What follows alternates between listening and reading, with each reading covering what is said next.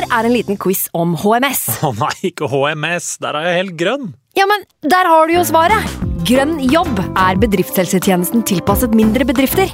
Våre HMS-eksperter hjelper mer enn 8000 bedrifter over hele Norge med alt fra lovpålagte HMS-krav til pålegg fra Arbeidstilsynet. Få på plass bedriftshelsetjeneste på grønnjobb.no.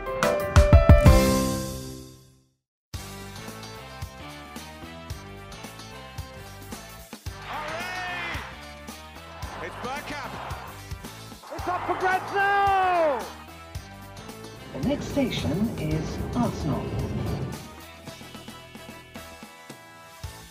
Velkommen skal du være til en splitter ny episode med Arsenal Station med Magnus Johansen og meg, Simen Goffeng. Med oss i dag er ingen hvem som helst i det norske Arsenal-miljøet. Har du vært på London-tur for å se vårt kjære lag opp gjennom årene, kan du umulig ha unngått å treffe på det som å være en av Norges triveligste supportere. Og nå som det er over ett år siden sist man kunne reise over til Balløya for å nyte Arsenal live, publiv og pints, syns vi det er på sin plass å ha med London-venn og årets guner fra 2018, nemlig Bjørn Furuheim. Velkommen, Bjørn. Tusen takk. Veldig hyggelig å ha deg med. Det er jo noe vi har snakket om eh, lenge i den poden her, at uh, Bjørn må vi invitere. Og så, og så har det liksom ikke blitt til det. Og nå øyna vi muligheten, Og som det er som sagt over ett år siden sist eh, vi kunne ta oss en London-tur, så er det vel ingen bedre enn en deg til å være med og mimre litt tilbake til, eh, til noen av de beste turminnene man, man har. Nei, jeg syns det er strålende å bli invitert. Ja, og få liksom litt sånn eh, ja, Vi er helt sultefòra nå, ikke sant. Og vi sitter bare og ser på TV-en og, og lengter så enormt tilbake til London. og både livet med gode venner, Arsenal-venner, puber og alt som du sier. Så det er bare kjempegøy å være med. Ja, fantastisk. Ja, Det er jo landslagspause eller ligapause eller eh, hva man kaller det. Det får de lærde strides om. Så, så det Arsenal-savnet er jo ekstra stort eh, kanskje denne uka, da. Eh, Men som du sier, det, det er jo særlig disse London-turene vi kanskje kjenner på et ekstra savn rundt. Jeg vet ikke om du bare vil aller først offentliggjøre hvor mange ganger du har vært over for å sette Arsenal? Nå har jeg ikke 100 eh, kål på adelskalenderen, eh, den lista som viser hvor mange kamper, men jeg har, eh, jeg har passert 100 turer. Og jeg har vært, eh, men jeg har vært også en del ganger på eh, den gamle, gamle gode Highbury. Det var en fantastisk stadion å være på, så er jo, det er jo trist for de som ikke fikk oppleve Highbury. Men jeg har 78 kamper på, på Emirates, da, og, så det er, det er godt over 100. Så jeg har mange, mange gode opplevelser eh, å se tilbake på. Mm. Ja, nei, vi Magnus, vi er vel eh, juniorer å regne som i, i forhold til dette her. Men uh, vi kan i hvert fall si at vi har møtt Bjørn flere ganger på tur, og det er alltid hyggelig. Det er alltid hyggelig.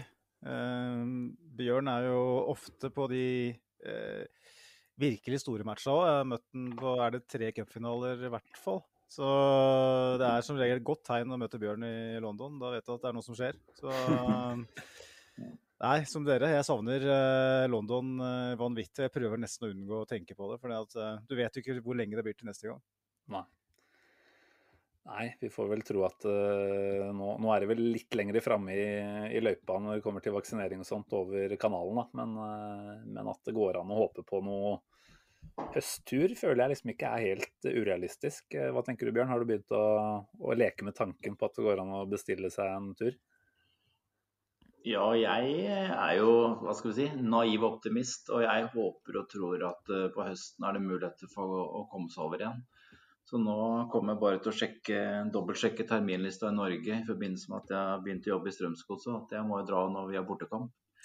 Så, men jeg, nå skal de jo ha England har en plan for åpning. Jeg hørte det senest i dag. De har sånne ulike trinn da, for når de skal gjenåpne, samfunnet sitt. Og, og man skal vel prøve ut noen kamper i mai, er det snakk om, med en del publikum. Så, og de er langt framme i skoene når det gjelder vaksinering. De er jo mye lenger framme enn oss. Så jeg håper og tror at, at, folk følger opp det som kommer av restriksjoner, slik at det åpnes og at neste sesong Det er vel 14. Var det 14. august? Jeg tror den, så den la ut nå. med oppstart. Så. så jeg lengter så enormt. Altså, det er jo Vi må bare få til en tur til høsten, tenker jeg da. Det, det kribler så enormt etter å være der borte. Vi har liksom det, det, det, som er så viktig for meg å si, da, altså, for de som ikke har vært der borte altså, å dra til London og se Arsenal, det er så utrolig mye mer enn bare to ganger 45 på stadion. Det er det enorme hyggelige livet rundt, alle de gode vennene du møter, og ikke minst alle de vennene du blir kjent med. For du får jo etter hvert et veldig stort nettverk av utrolig mye hyggelige folk som støtter Arsenal. og det er alltid mye bedre å være, Arsenal, å være i London hvis Arsenal skulle tape. fordi hjemme er det jo bare steder og galle på sosiale medier, men der er det vennskap. Du går på puben og diskuterer litt mer saklig, og så, og så ser man fram til neste kamp. Så, så dra til London og se på Arsenal er en fantastisk opplevelse. og Det er god investering av alle de pengene jeg har brukt på det. Ja, nei, det kan virkelig Det er sikkert mange av de som hører på den poden her som ikke har vært over i det hele tatt. Og det, det er jo sikkert lett å tenke at det er eh, noe som er litt langt unna, men det er jo ikke nødvendigvis så håpløst å komme seg over eh, på hvis man er litt taktisk med flyreisebestilling og tillater seg selv å bo litt eh, litt sånn enkelt, eh, så går det alltid sånn å fikse noen billetter på Emirates. Så mm, det er jo virkelig noe som eh, kan anbefale seg. Ja, og det er jo, jeg må jo slå et slag for Arsenal Norway, supporterklubben som jeg selv har vært leder av i åtte år, som drives eh, på en kjempebra måte, etter min mening. Jeg er selvfølgelig litt inhabil på det, men eh, jeg syns Ronny Madsen som driver den, har tatt over og styrer den på en glimrende måte. Og nå, klart, nå er det en spesiell situasjon for de òg, men den generelle situasjonen i de siste åra har vært sånn at alle som har søkt, og det vet jeg, gjennom supportklubben, har fått billetter til hjemmekamper. Så, så, det er den lureste måten hvis man skal på kamp og er Arsenal-supporter. Meld deg inn i Arsenal Norway, søk om billetter der. Ole Kristian Holter gjør en fantastisk jobb i supportklubben med å skaffe billetter.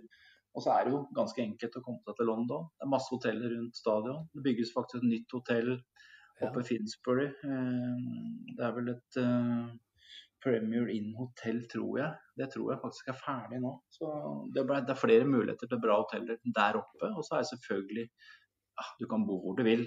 Mange bor i Upper Street, flere hoteller der. Og så bor man i sentrum, og det er jo lettvint å reise opp til Arsenal via tuben. Arsenal Station. Passer fint med navnet deres. Ja da, det er ikke uten grunn. Det er, det er mye positive assosiasjoner med det navnet der. Så Definitivt. Gode minner. Det er bra du dro i gang med lite, en liten promo av supporterklubben der, for jeg tenker det er eh, definitivt noe som er, eh, er vel verdt å nevne. Det må være eh, kanskje livets beste investering å betale være ca. 200 kroner minimum. Da. Det er jo veldig ålreit å betale litt mer også, men for, for et årsmedlemskap hvor du da har tilgang på å søke på billetter og får seks nydelige utgaver av The Gunners Post uh, annenhver måned. Kommer vel en i postkassa i disse dager. Mm. Så nei, det er det bare å, bare å, gjøre for alle som eventuelt skulle lure litt på det området. Den, den jobben som Ole Kristian Holter gjør òg, er veldig fint å trekke fram, Bjørn. Jeg bodde jo i London i 2010-11-sesongen, og da det samarbeidet, for å kalle det det, hvor vi hadde med, med, han for å få billetter på både hjemme- og bortekamper, det var helt enormt. Mm, ja. Bare sikra oss billetter på alt du ville. Til og med, Jeg var ikke med på den turen, men det var en annen kompis av meg som bodde i England på samme tidspunkt, som hadde lyst til å reise på Camp Nou og se Barcelona-Arsenal i Champions League. I prinsippet så var vel ikke det mulig å få til. Det fikk vi høre via ganske mange. Han sendte en mail til Ole Kristian og bang, to billetter til Camp Nou på borteseksjonen. Så det, det, er stort. Ja, han gjør en kjempejobb. Ole har enormt gode kontakter og, og, og så videre. Og, og, det som er litt viktig å få fram, tror jeg, da, at det sitter sikkert noen og hører på nå som ikke har vært der så mye som dere var inne på. Og det å bli med på sånne turer gjennom altså Du melder deg en supportgruppe, du, du, får billett via de, du blir kjent med nye mennesker. og Det, det er fantastiske nettverk du får. Det er det som gir, i hvert fall har gitt meg så enormt mye eh, hyggelig opplevelse i alle de åra jeg har dratt over. da. Mm. Det er som jeg sier, Kampen er én ting, men det er opplevelsen rundt. Det å møte hyggelige venner, spise sammen, ta en øl sammen. Eh, ja, finne på et hyggelig ting. da, og det blir en sånn utrolig fin sosial greie. Det er veldig mange som drar alene. Mange som uh, ikke har så mange å dra med. Og så blir du dratt inn i et utrolig godt miljø. Du møter alt noen kjentfolk, og, og det er utrolig mye hyggelige mennesker du møter. Ja, Magnus, du har vel uh, vært med på noen av disse fellesturene du òg. Uh, kan vel skrive under på at f.eks. Uh, 40-årsjubileet i London for er det to år tilbake. Jeg var ikke med der sjøl, men uh, dere var der begge to. Det var vel uh, noe av det hyggeligere man har vært med på, sånn i fellesturforstand. Det var helt konge. Eh, det å gå inn på Emirates Stadium og, og møte så mange hyggelige norske folk som brenner for samme greie, det var, det var nesten galt spesielt. Eh, og jeg sto opp litt for tidlig og drakk litt for mye øl på morgenen, så da jeg hadde litt vondt i huet. Men bortsett fra det så var helt herlig kveld. Altså. Så, det er jo det var siste turné jeg var over, da, før, uh, før, det ikke ble lov å dra over lenger. Uh, og det, det, er liksom sånn han, han, husker jo gjerne litt sterkere den siste turen han var på. Uh, så det, det, det, det frista veldig til gjentakelse. Jeg, jeg, håper jo at supporterklubben kan, kan fleske til med noe lignende flere ganger òg. For jeg, jeg, tror, jeg, tror, det er veldig stor oppslutning rundt, rundt et sånt type arrangement. Også, for det, mm det er så hyggelig. Og det er såpass mange som er over på hver hjemmekamp òg. Eh, hvis man sitter eh, der Arsenal Norge stort sett har hatt billetter, så, så, merker man jo det. At eh, jeg er ikke den eneste nordmannen her. Her er det veldig mange som er over i samme ærend.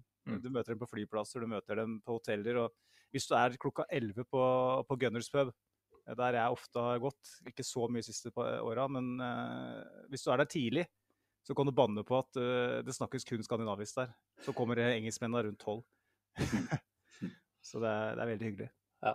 Nei, jeg kan uh, huske tilbake til uh, felles uh, Det var ikke tur, det var jo fellessamling i, i Oslo for et par ja, Jo, det er vel to år siden ca. I Europaligafinalen mot Chelsea. Det var jo en kamp man gjerne glemmer. Men Mm. Igjen så var jo det en fantastisk ramme, da, hvor man virkelig kjente på den fellesskapsfølelsen. Og det, det, gjorde for så vidt at tapet kanskje var et par hakk lettere å takle også, når du mm.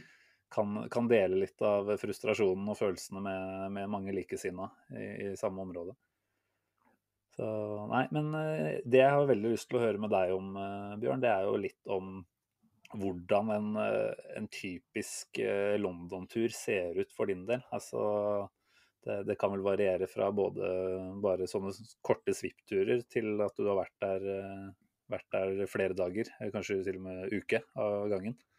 Eh, når var første gang du reiste over for å se Arsenal, husker du det, eller? Ja, 1980.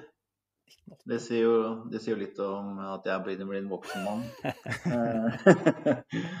Arsenal Wolverhampton 1-1 på Highbury. Elendig kamp, men fantastisk opplevelse. Så jeg har liksom vært med på det der kjedelige 80-tallet. For en del av det 80-tallet hvor det var liksom boring Arsenal, uh, og så Ja, det var ikke alltid som var like bra på den tida der. og jeg er veldig glad for at jeg opplevde det, det må jeg bare si. Mm. Uh, at når vi har slitt, uh, når vi har hatt dårlig lag, ikke fullsatt stadion osv., så, videre, så er jeg glad for å ha hatt de opplevelsene der. Nei, typisk London-tur, ja. det Eh, det har blitt sånn for meg, og det har jeg sagt litt om før nå, at eh, London for meg er eh, å dra til Arsenal, og London er en ting, en happening som jeg prøver å utnytte mest mulig og bruke tida godt.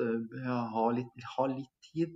Altså Det er mange som drar til London, som kommer kanskje kampdag og drar hjem tidlig neste morgen. Jeg pleier alltid, stort sett alltid, å ta sånn fredag-mandag-tur når jeg skal til Arsenal. Fordi at jeg, jeg syns det er så utrolig Jeg digger London som by. Jeg digger å gå rundt i Nord-London. Jeg elsker å gå på nye, spennende puber. Møte folk, finne på litt. Eh, ikke bare matchen. Eh, det har blitt sånn etter hvert, selvfølgelig. Men eh, nå bor jeg jo en del av Norge hvor det er ganske billig å dra. Jeg er heldige som bor i Oslo og jeg bor i Drammen. og Vi har mye, mye fly ofte å velge mellom og kan fly ganske billig. Eh, så jeg har alltid lagt opp turene mine iallfall de siste 10-15 åra på å bli noen dager. da. Mm. Ta en, ta en langhelg og kose meg. Komme bort på fredag. Eh, bor ofte, eller bor alltid oppe i nord, enten oppe i Finsbury eller så bor jeg nede i Islington. og mm. Kose meg, gå på pub med kompiser tidlig, spise ja, å oppleve mye av London, eh, i hvert fall i nord. da, Å være der, bare rusle rundt og bare suge inn den der feelingen at nå er det snart match. Eh, og det å være der dagen før match syns jeg er kjempefint. Kanskje dra opp innom stadion, innom supportersjappa, handle litt. Grann. Bare, bare, la det bygge seg opp litt til eh, forventninger, om det er lørdagskamp eller søndagskamp. Og er det søndagskamp, så, så ja, stort sett er jeg til mandag, altså. Fredag og mandag. Da, da, har jeg, nesten da har jeg god tid. Da har jeg god tid. Da, ja, jeg, ja, det er, eh, da rekker jeg mye. Jeg rekker innom mange puber og har det hyggelig. Jeg ble nesten rørt jeg nå av å høre på deg. Det var, eh, det var mye, mye Ja, er gode så- følelser som dukka opp her nå. Det er så mye, mange ting som jeg har så lyst til at andre unge supportere skal oppleve. Da, fordi eh, det er som jeg sier, Arsenal det, det er en, det, der, der, der stadion ligger nå i dag. Hvis man går litt i, i, i området, se litt på kartet, du kan google litt, eh, du kan ta en, du kan ta en Er du gammel nok og så kan du gå på en pub? altså Det å oppleve nye puber. Nå i fjor, altså i forfjor, da, så gikk jeg med en god kompis. Eh, vi, gikk, vi, vi søkte litt, vi googla litt, fant noen nye puber. Og vi gikk altså tverrgate til Upper Street, som jeg egentlig har gått i 25 år. Da fant jeg syv puber, eller vi fant syv puber vi aldri har vært på før. Eh, tre av dem fantastisk hyggelige. Eh, bare sånne ting. Gå langs kanaler, oppleve litt sånne ting. Og den derre den der, som ligger rett oppe i nord, jeg vet ikke om dere har vært der, den eh, Hva heter den for noe? Den heter, Nå husker jeg ikke hva den heter engang i tida. Men det er så mange sånne lokale ting du finner da, hvis du går litt utafor der alle turistene går. Mm. Og det å suge inn den der feelingen av eh, dette her, og kanskje møte noen lokale folk på Bank of Friendship, sitte i bakgården på Bank of Friendship på en vårdag, høstkveld. Der har de pussa opp bakgården. Kjempehyggelig. Å komme og prate med lokale folk, det er London for meg. Altså. Det, er, det er London. Mm. Stikkordet pub føler jeg jo gjør at vi må ta med et eh, lytterspørsmål fra Sivert Eriksen. Han lurer på hvilken pub da, som er eh, favoritten i Nord-London, og legger til 'hvorfor er det 12 pints'? Hint, hint. Det er vel mulig at eh, 12 pints er en av, en av favorittene. Må bare hilse til Sivert da, hvis han sitter og hører på. Uh, alltid hyggelig å møte deg, Sivert. Regner med han sitter og lytter. Uh, nei, 12 pints, ja, der, der er jeg mye. Um, um, 12 pins, ja. Um, hvorfor jeg er der mye? Det ligger veldig sentralt. Alltid sånn møtested. Hvis man kommer med, med toget, og de som ikke har reist mye, da, så kommer man ofte til Finsbury Station. For der kommer jo der krysser det to linjer, undergrunnslinjer, både Piccadilly Line og Victoria Line. Eh, Så hvis man kommer fra sentrum opp med Piccadilly Line, så kan man, hopper man ofte på, på Finsbury, Finsbury Park hvis man skal på kamp eller skal gå på en pub. Og da kommer man med, med, tog, med flytoget via Stansted, så kommer man inn til Finsbury Park fra den Victoria Line. da. Så det er veldig sånn knutepunkt reisemessig å gå av på Finsbury Park, og da ligger den 12 Pins-puben 200 meter unna. Så derfor blir den plassert. Veldig strategisk plassert. Og så kan jeg anbefale en frokostrestaurant 300 meter opp i gata, under jernbanen. Og så opp i gata der ligger fantastisk to-tre fine frokostrestauranter. Så hvis man ikke har en overlegen frokost på hotellet, så er det lurt å gå opp der. Det er lokale folk som driver. Veldig hyggelig. Så jeg er mye på 12 pins. Så Så har jeg begynt å gå mye på Tollington. Veldig koselig pub. Som eh, ligger, hvis du tenker deg Du står foran supportersjappa med kanonene. Hvis du står med ryggen til stadion da, og du ser på kanonene og har supportersjappa i ryggen, så hvis du ser rett bort til høyre, så går en vei under jernbanen. Hvis du fortsetter 200 meter bortover der, så kommer du til eh, Tollington. Det ligger et veikryss der borte. Og det som er litt ålreit der, er at eh, spillerne kommer alltid kjørende i sine fete private biler. Og da kommer de alle kommer i den gata der. Så der står disse ungene som skal autograf for å ta bilder og, og selfie og greier. At De ofte stopper bilene midt i, midt i når de kommer. Og får gutta til å ta selfie og greier. Og der er det show og liv. Og det er en veldig hyggelig pub å gå på. Thaimat og veldig hyggelig betjening. Så du kan kjøpe mat der òg. Det er jo er, det ikke gamle altså jeg, jeg mener jeg hørte det at de som driver 12, Nei, ikke 12 Pins, men Tollington er de som drev Gunners pub tidligere. I hvert fall så var det på et tidspunkt. Eh, så det har det Arsenal-preget i puben, for det er jo Gunners pub da, som de fleste har vært på, for så vidt, som har vært i England. Så, så, så kjenner du litt igjen av det gamle Gunners pub, føler jeg da. Ja, ja han, det er et par, eh, Martin og Louise, som driver Tollington. Og han Martin han har vært medeier i Gunners pub i 20 år. Han har aldri jobba der, men han har vært medeier. da. Eh, og Den gangen Gunners pub var litt mer eh, ordentlig enn det den dessverre er nå. Så jeg håper den kan få seg en ansiktsløftning igjen, og at det blir et bedre sted å være. For Jeg synes, dessverre så syns jeg det har blitt litt stusslig der i siste tida. Ja, hvis, også når du ikke lenger trenger å si sorry, excuse me hver gang du går en meter på puben der, så er det noe som mangler. For det, Mm, tidligere så var det jo spesielt de åra jeg var mye der, når eh, Arsenal Away Boys eh, spilte. eh, et sånt band Mm. som pleide å spille før og etter kamp. litt sånn rølpete allsang Mm. som fenga veldig. Eh, Mm. Så var det så kult på den Gunners pub at det, det, var nesten, det, var nesten, det var alltid en nedtur å gå ned til Emirates. Det var sånn, åh, Du kan si det sånn at det der er et århundres vorspielte kamper på Gunners pub.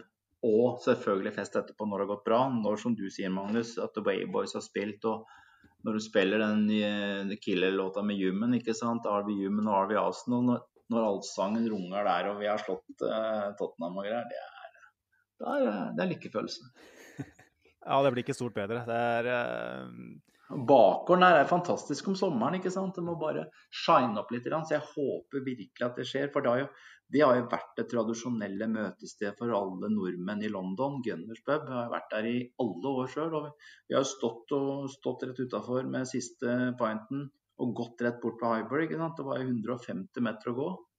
Så beliggenheten er fantastisk. Det var jo helt sinnssykt, det der. Eh, Jeg var jo dessverre eh, kun én gang på. Eh, Mm. Litt med alder og litt med at jeg ikke hadde noen folk rundt meg som eh, reiste til, England på den tida. Og da, Ja, ja. da ble det til at vi reiste Det var eh, april eh, 2006 eh, hjemme mot Aston Villa, en 5-0-kamp hvor uh, Thierry Henry skåra to helt sinnssyke Mm. mål. Mm. Eh, og da husker jeg kvelden vi ankom Vi bodde oppe i Finsbury Park-området, oppe noe som heter Park Hotel. Jeg tror ikke det eksisterer lenger. Det ligger oppe Seven Sisters Road. eh, Lugubert sådan. veldig lugubert, ja. Eh, Det var rotter på badet her, husker jeg. Så det, det, det husker jeg godt. Og da, da så vi Highbury fra vinduet, og det var, det var jævlig fett å se for første gang. Eh, Jeg hadde drømt i ti år om å reise til England. Ja. Men så gikk vi ned i området, og vi hadde jo hørt om Gunners pub. Og så så vi den, og så gikk vi inn der og begynte å drikke øl. og Dette var jo på fredagen, da, eh, før, dagen før kamp. Og så spurte vi folk liksom, hvor er Highbury? Mm. Og så der, folk så, så jo sjokkert på oss. Og jeg vet ikke Mm. hvor Highbury er hen. Det blir sånn som når Arsen Wenger forteller at han kom til, til London første gang, og eh, stadion lå måte midt i en sånn tett bebyggelse, så du så den Ah, ikke før det sto ah. på den. Så gikk vi ut, og så pekte det var to engelske som pekte på Hybrid, og så sa der er Hybrid. Så der, er det en fotballstadion der? Det var litt mørkt, da. Ja, ja. Det, var, eh, det er en sånn Mm. sjelesettende opplevelse da, å gå de som du sa, 150 meter ned og se Ja. den derre øh, veggen. Den øh, Mm. hvor du har eh, Du vet at Marble House ligger uh, innafor døra der. Det var eh, Mm. veldig, veldig spesielt. Det er stort. Jeg vet ikke, Simen, nå har jo både jeg og Bjørn eh, snakka om våre første møter med London. Du kan jo få lov til å ta oss gjennom din første tur òg. Ja, jeg var også heldig da, og fikk, eh, fikk Highbury i siste sesong. Det var fattern som, eh, som så sitt snitt til å, til å rekke en tur før eh, flytting. Heldigvis. Det er jeg jo veldig takknemlig for den dag i dag. Var vel på høsten 2005, oktober mener jeg, hjemme mot eh, City. Eh, Kampen er vel eh, først og fremst eh, litt sånn famøs for det der straffesparket til Perez og Henri, som ikke gikk helt veien. Mm, mm. Men, men det er klart, hele opp, det var jo en fellestur med, med Arsenal Norge. hvor det var Vi var vel en kan ha vært 20-25 stykk som reiste i fellesskap fra Gardermoen. Tok inn på samme Hilton-hotell i Islington, og det er vel Altså, det var sånn forelskelsesøyeblikk, da. Det å komme til Islington og som du beskriver tidligere, Bjørn, det å bare traske rundt i gatene der. Det er en helt spesiell følelse og en veldig sånn Mm, mm. varm og lun atmosfære i den delen av byen. Altså, der du liksom løper på stresskofferter og, og folk i dress eh, litt lenger ned i sentrum, så er du liksom såpass eh, et lite godt knepp utafor det verste maset da, når det er i Islington. Veldig ålreit eh, område. Og nei, jeg husker vel at eh, det var, som du sier, det var eh, kvelden i forveien, ikke sant, hvor jeg er ute og spiser og, og henger med andre Arsenal-supportere og rett og slett uh, skaper uh, nye bekjentskaper. Uh, alle kan gå og kjenne på samme gledesfølelsen for å, for å skulle se kamp. Og så var jo kampen i seg selv noe søvndyssende, men jeg husker vi hadde en helt drøy fyr på raden foran som sto og shouta hele kampen gjennom. Han, eh, du kan jo tro han mista det eh, når den straffa gikk. Men eh, nei, det er Jeg var vel 15 da, så veldig Nei, jo, var jeg det? Jo, 14-15 år. Så det var liksom den perioden av livet hvor du virkelig ble kjent med, med klubben for min del. Da. Jeg hadde jo begynt å begynt å følge godt med noen år før, men liksom, når du først har vært der en gang, da, da, er det ingen vei tilbake, åpenbart. Da, da er det noe som har uh, blitt gjentatt uh, i hvert fall ja, ca. tosifra antall ganger uh, siden den tid. Så gleder meg veldig mye til å kunne skape noen nye minner der borte.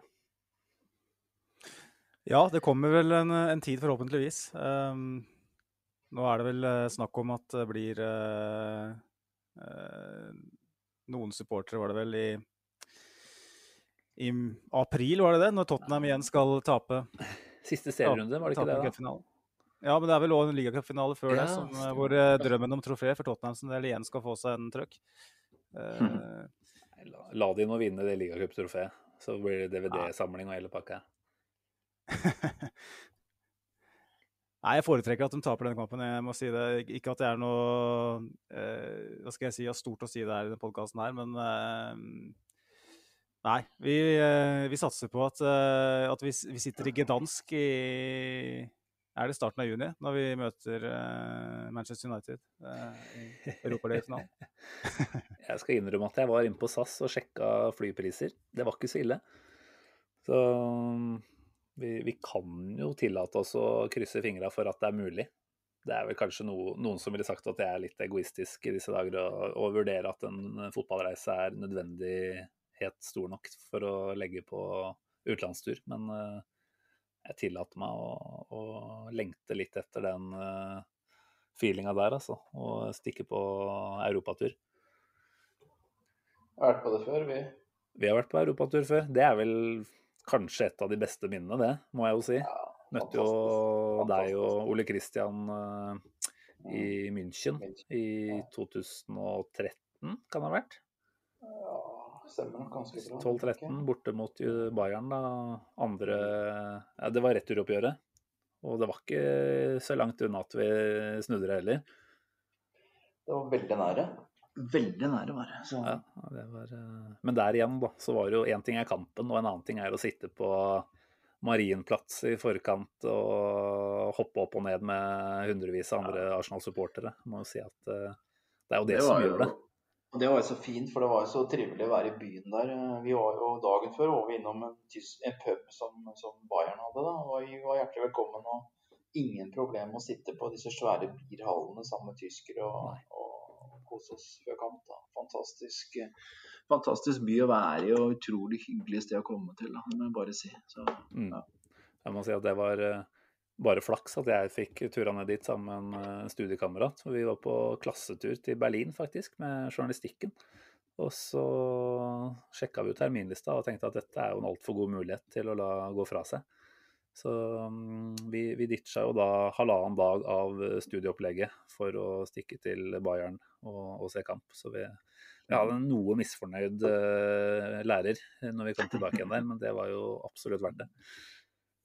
Jeg må jo si det, da, når vi først er inne på det. Nå, ikke nødvendigvis europatur, for det har jeg til gode å oppleve, eh, dessverre. Eh, men det å reise på bortekamp, da, eh, som Arsenal-supporter. Den opplevelsen du da får spesielt på, på stadion, syns jeg er veldig forskjellig fra å sitte på Emirates. Men òg det å møte andre på, på pub. da. Eh, Bjørn, du har jo vært på en del borteturer, du òg.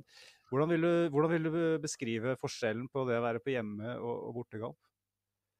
Først så har jeg vært på altfor få bortekamper. Jeg har vært på en borte, noen bortekamper, ikke mange. Men jeg, som du sier, Magnus, det er jo helt egen atmosfære. fordi på borteturer så møter du bare genuint interesserte folk, positive folk som støtter klubben i tykt og tynt. Da. Det er de som drar på bortekamper. Mm. Eh, så du møter jo en gjeng som er så dedikert kun for å støtte laget. og Eh, Det er jo alltid hyggelig. I hvert fall de som jeg sier, de litt for få opplevelsene jeg har hatt eh, på bortebane. Jeg var jo på Wembley som bortebane av Tottenham Arsenal. Da, og fullt Wembley, ikke sant. Og hvis det er 3000 mennesker nede i et hjørne og er på en pub rett ved stadion, og det er liksom 100 politifolk som passer på Du blir trua på livet av 75 000 mennesker som skal ta livet av liksom. Det, det er bare bare, men, men det, det er litt spesielt, da. Og da var vi jo på en lokal pub før, og fantastisk hyggelig. Altså. Det er klart det kommer ut. Vi var jo og jeg var jo ja, Min største opplevelse, bare for å si det, det er jo Champions League-finalen, selv om vi tapte. Så det å oppleve Paris, oppleve alle Arsenal-supporterne samla, uh, helt fantastisk. Og det er det du får på hver bortekamp. For du får den derre enorme interessen og samholdet med de du drar sammen med, da, og de du opplever og er på tur sammen med. som du Kanskje du kjenner en, eh, noen få av de du drar med, og så blir du så godt kjent med så mange. fordi det er en sånn enorm eh, ja, god atmosfære da, Mm. på den type turer. Fantastisk hyggelig. For det var jo kanskje den største. Igjen så blir jo det eh, en cupfinale, men eh, vi var på Der var vi begge dere òg. Vi var på cupfinalen i 2014 mot eh, Hull på Wembley. Mm, mm, Vi mm. sto oppe på Greenman, en sånn eh, svær Ah. eh, pub, et stort ute, uteområde der. Sola stekte, og du hadde utsikt mot den der Wembley-buen, for å kalle det det. Og det var den forventninga. Vi, skal, eh, vi, vi skal slokke en trofétørste som har vært i ni år. Det er Hull City, et lag som vi skal slå. For så vidt ganske nervøse likevel, for vi kjenner jo Arsenal. Men det var den, den stemningen som var der, og det har jo selvfølgelig noe med, med årstid og vær og alt å gjøre. og Det var, det, altså, det var så stort eh, at det er liksom Jeg får, jeg får nesten frysninger bare jeg tenker på det nå. Jeg kjenner jeg ståpels. Det var 17. Ja, mai, det. Det var 17. mai, ja. Jeg skulle til å si det. Det er beste 17. mai-feiringa jeg har vært borti. Altså, Sjampisfrokost ble jo tatt til et helt nytt nivå eh, den morgenen der. Eh, Jeg, jeg farta ned samme morgen, og det var fuktig fra togturen og inn. Da møtte jeg noen norske gunners som eh, også var tørste, og vi holdt jo godt gående der utover, Magnus. Det var, eh, det var en slitsom dag. Ekstra slitsomt når du ligger under Du må holde væskebalansen ved like. Det er viktig når det er veldig varmt. Det imponerte meg da, Siden, Simen, fordi at eh, du drakk eh, Du hadde ganske store kvantum innenbords da jeg starta. Eh, Min signingsferd mot Wembley. Så det var Og det, det, det, det som var litt kult, var jo at vi, vi hadde jo skaffa billetter via Twitter, Simen, begge to. Og um, endte jo opp med Vi hadde fått tak i tre billetter, jeg hadde med samboeren. Så du måtte jo da eh, trekke det korteste strået og bite det sureste eplet og gå på motsatt side av stadion og sitte alene. Og samboeren sa til meg på 0-2 når, eh, når vi lå mot Hull, at eh, hun har aldri vært så redd før, som hun så ansiktsuttrykket mitt da. Og så var jeg så langt nede, og så sendte jeg en melding til deg, og så fikk jeg svar om at dette snur vi. Så det var, eh, det var et øyeblikk som Jeg, jeg er jo kjent for å være positiv, men det, det hørtes nesten ut som løgn, faktisk. Jeg kan ikke huske at jeg var så positiv der. Nei, men du var det, og det, du fikk jo rett, da. Så etter det så har jeg på en måte ikke tvilt på eh, evnene dine. For det, det var jo Det har aldri vært viktigere, for jeg, det kan jo sikkert du si litt om òg, Bjørn, uten at vi skal spore helt av. at Hadde vi tapt den finalen mot Hull, eh, så, så kunne Arsenal fotballklubb sett annerledes ut enn det det gjør i dag. Ja, det var en vanvittig viktig seier. Altså. Det, det er som du sier, altså, det var 0-2. Altså. Ja, og så var det redning på Det var strek. Helt sjokkerende eh, det var mulig, liksom. Og så greier vi å snu det. Og det, det, det, er jo, det er jo sånn når vi ligger under og greier å snu det, kommer tilbake og vinner, det er jo enda mer morsomt enn at vi vinner 5-0. Mm. Vi vant uh, mye slår vi, vi vant i den finalen. 5-0, 4-0. Det var 4-0, da. Det var jo ikke spennende. Nei, Men det var veldig deilig, for det, det var, den finalen var jeg såpass heldig å være på. Og da, da, da husker jeg bare sa at vær så snill og ikke gi oss en ny sånn Hull-finale. Bare, bare gå ut der og knus Det var jo Team Sherwood som var manager, så jeg hadde en god følelse om at uh, det burde gå bra. Men, men jeg var jo på finalen mot Birmingham i Carling Cup. Uff. Vi tapte. Og det var grusomt. Det var helt grusomt. Og da Det var snakker fælt. vi når Da også skulle vi jo få det trofeet vårt, ikke sant? Og da kom det jo ikke. Vi tapte jo. Det var helt forferdelig å være der. Det var, Den kampen var eh, altså Apropos eh, å rangere minner, så er vel kanskje det verste mi- live-minnet mitt. da. Jeg husker jo var på kampen da i midtuka i forkant mot eh, Stoke. Og da gikk både Fabregas og Walcott av med skade i den kampen. Og da husker jeg tenkte Oi, nå Nå mister vi to nøkkelspillere eh, Ja. foran en cupfinale. Eh, og det viste seg jo å viste seg jo, Jeg er ganske sikker på at vi hadde tatt dem med, med farta til Walcott der, og en Fabrega som var i, i kjempeform. Så nei, det var brutalt. Jo, men når- du har vært over på noe sånt, eh, Bjørn, da har du virkelig opplevd hele spekteret da, av hva Arsenal Ja. kan servere live. Altså fra de har, eh, absolutt dypeste daler til eh, de høyeste topper. Ja, definitivt. Og det, og det er de som den, du, altså, du har opplevd, som du sier, alt. Fra A til Å. Så det er eh, altså det er bare Jeg tenker på jeg når var på den Hull-finalen, ikke sant. Bare plutselig så leder de 2-0. Du tror ikke det du ser. Det var litt flaks og sånn av skåringene deres, men det var jo sånn det var. Men uh, nedturer, ja. Er du gæren? Arsenal-supporter, det er uh, tøft. Det er tøft å være Arsenal-supporter. Det er hardt. Det er uh, ja, det er hardt for kroppen. Det er helt klart. Jeg Det er godt, mener det er godt du er politimann, så du tåler det. ja, tåler litt av hvert.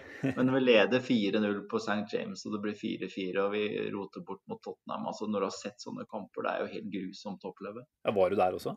Nei, jeg var ikke der Nei. heldigvis. Det er jeg så glad for. Det De, er jeg så glad for. de, Det, ka- de kampene var jeg på, da, bare for å, å det det. beskrive at jeg har vært på de.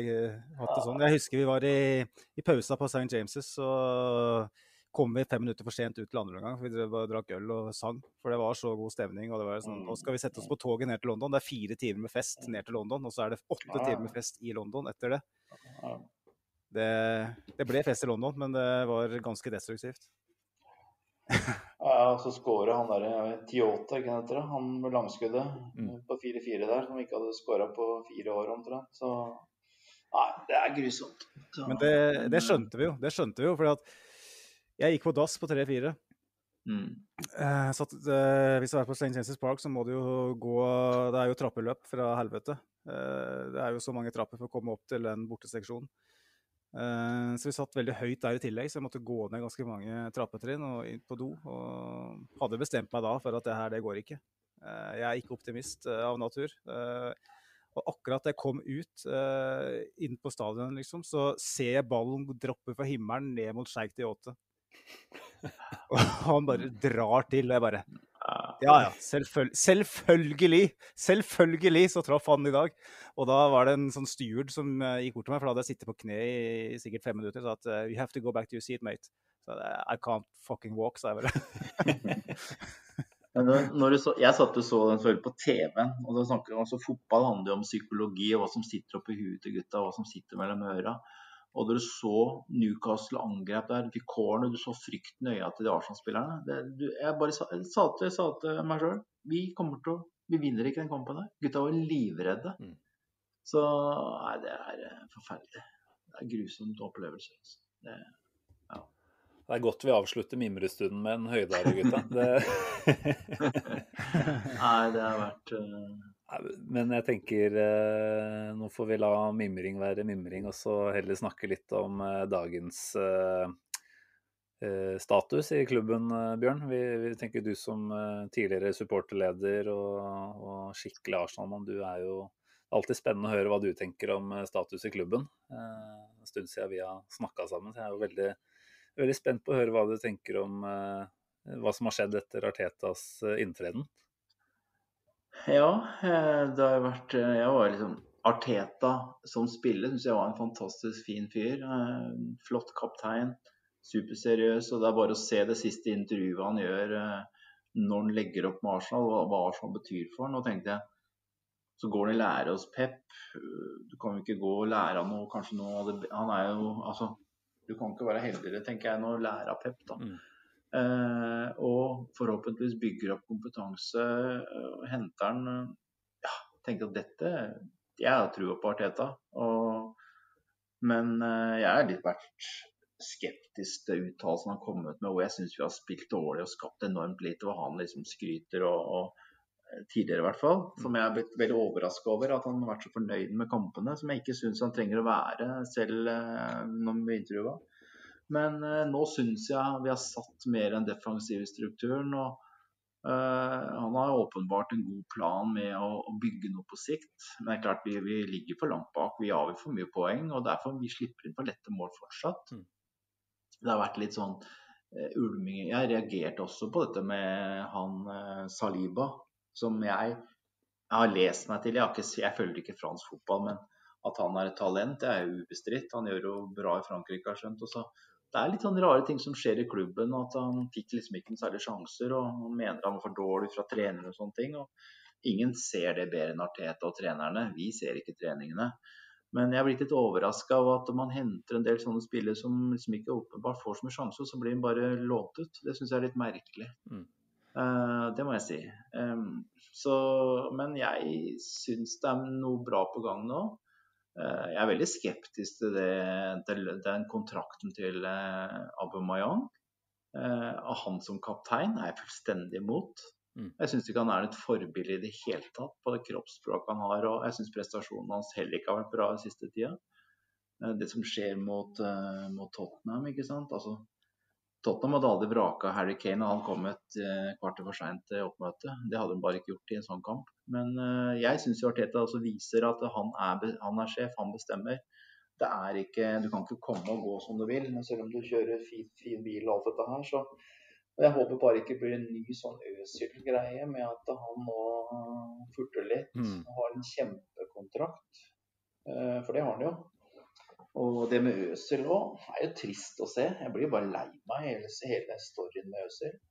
Så, så, det som var der, og da er jo Arteta knallhard med at uh, ja, antageligvis er han ikke god nok ut fra tror han trener for dårlig. Tror rett og slett han trener for dårlig. Mm.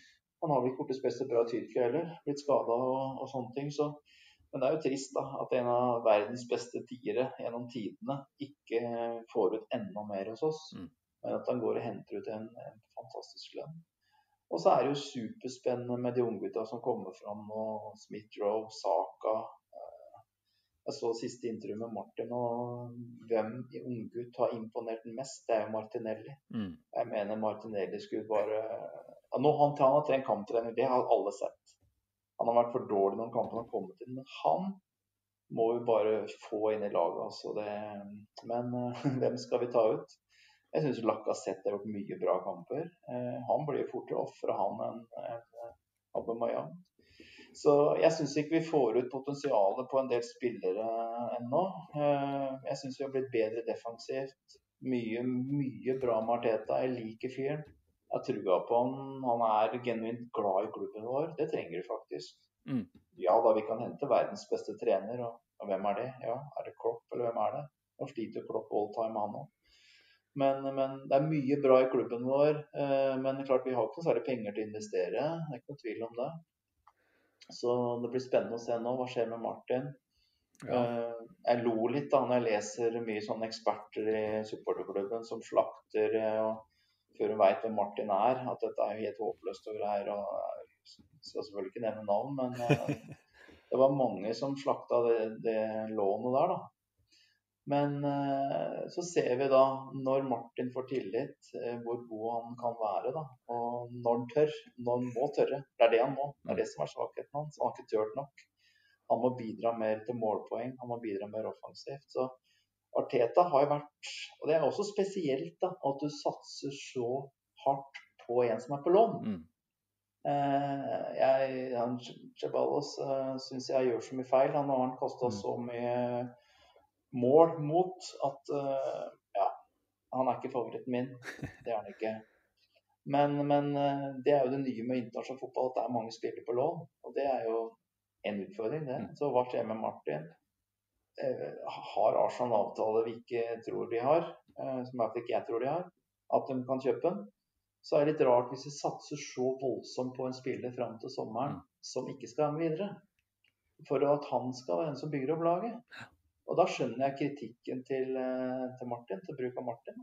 Mm. Eh, det skjønner jeg jo, men han er en fantastisk spiller. Så ja, summa summarum, Arsenal eh, Det er trist å se hvor lett vi slipper inn mål. Eh, det er jo gang på gang så er det sånn Nei, nå igjen, liksom. Så det kommer de der lette måla mot.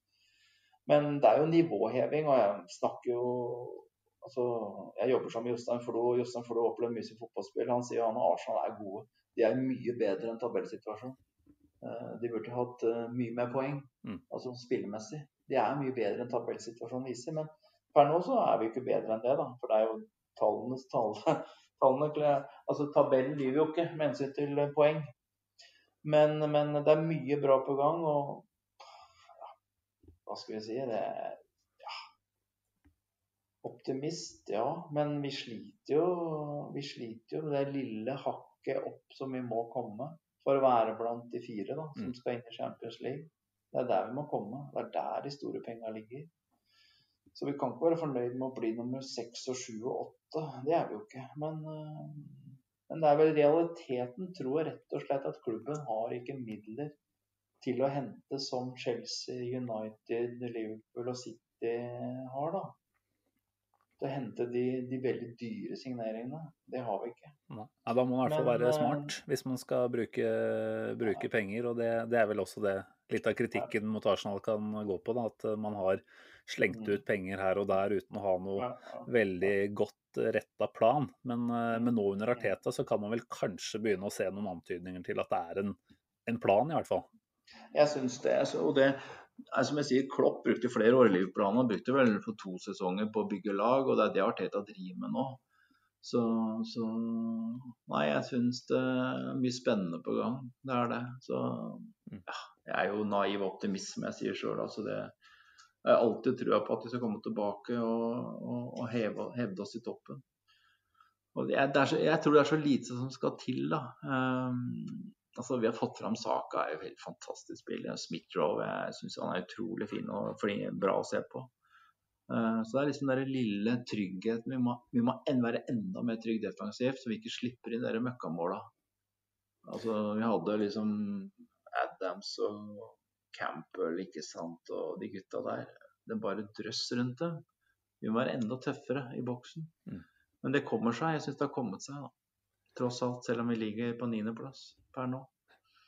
Men hvis du ser liksom på de underliggende tallene, da, i den grad det skal brukes altfor mye, så ser du at Arsenal stort sett eh, etter den Chelsea-kampen hvor Smith-Roe ble introdusert og begynte å spille på en litt annen måte, så ser du at Arsenal stort sett nesten alltid er bedre enn motstanderen i alle Ja. kamper.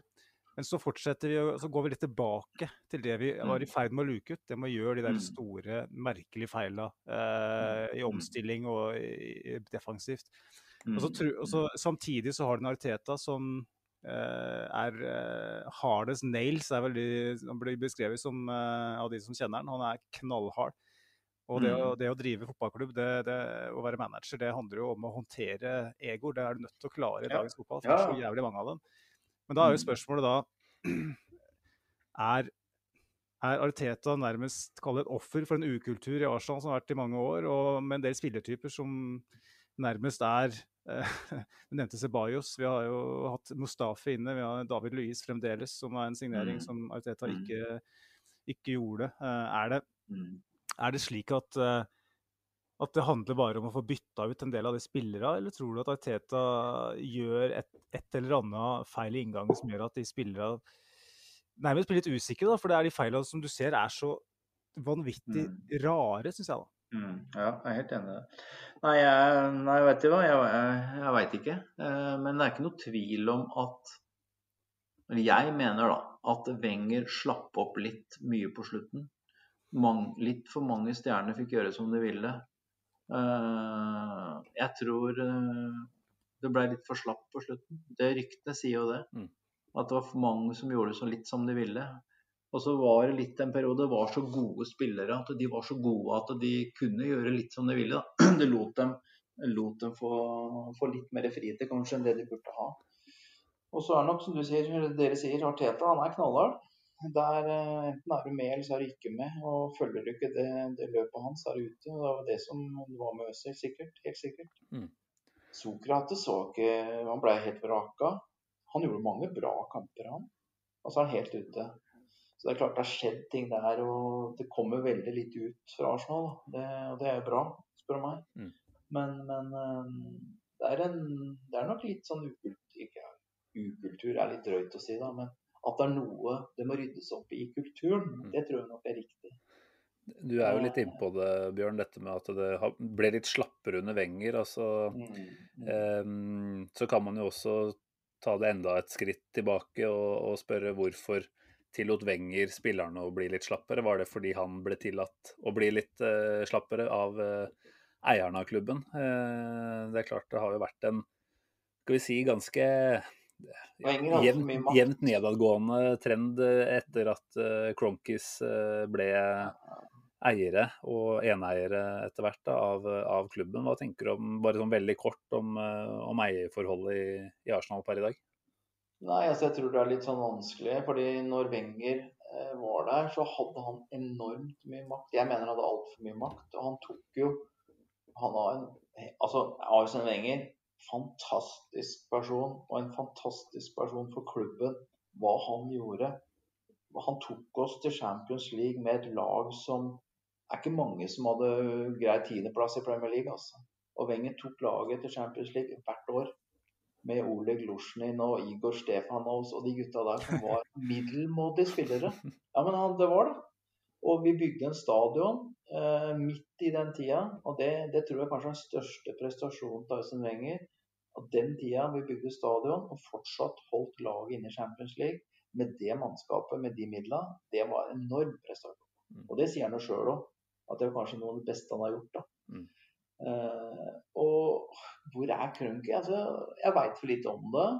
Uh, han har liksom investert penger i Arsenal, han har investert penger i klubber i USA. Hva er han villig altså Hvor mye betyr det for han? Sønnen hans er jo litt mer involvert. Eh, Edu Jeg tror vi trenger en sånn sterk personlighet som Om Edu er det eller ikke, det vet jeg ikke nok om. Men at man trenger en sånn en person som Edu, da, en sånn sportsdirektør, kall det hva du vil, eh, ved siden av en type som Arteta. Fordi Wenger gjorde alt alene, han bestemte jo alt. I hvert fall tilsynelatende. Mm. Så jeg tror klubben trenger en sånn type som Edu. Da. Nå har de rydda opp litt i strukturen. sin. De hadde jo tre-fire av disse gutta som eh, var noen direktør i hele gjengen. Det funka jo ikke. Så de fleste av dem, de andre er jo borte. Så Ja, jeg tenker sånn eh, Jeg syns jo at eh, det var litt sånn oppsummerende når eh, klubben etter seks måneder eh, med en rookie manager som har Teta her, som aldri har hatt en hovedtrenerjobb før, det blir uh, får frem til manager så kjapt. mm, Eh, det det, det vitner jo kanskje om en klubb som ikke er litt som mangler ledere, da. Som med en gang det er en som eh, mm, merker seg litt, så er det bare bank rett, du er sjefen. Uh, og det er jo jeg, jeg vet ikke hva du tenker, Bjørn, men var det sunt? Nei, jeg reagerer også på det. Fordi han ble ansatt som trener, hovedtrener. Og så virker det som at det er lite styring, egentlig. Og så plutselig blir han henta opp som manager.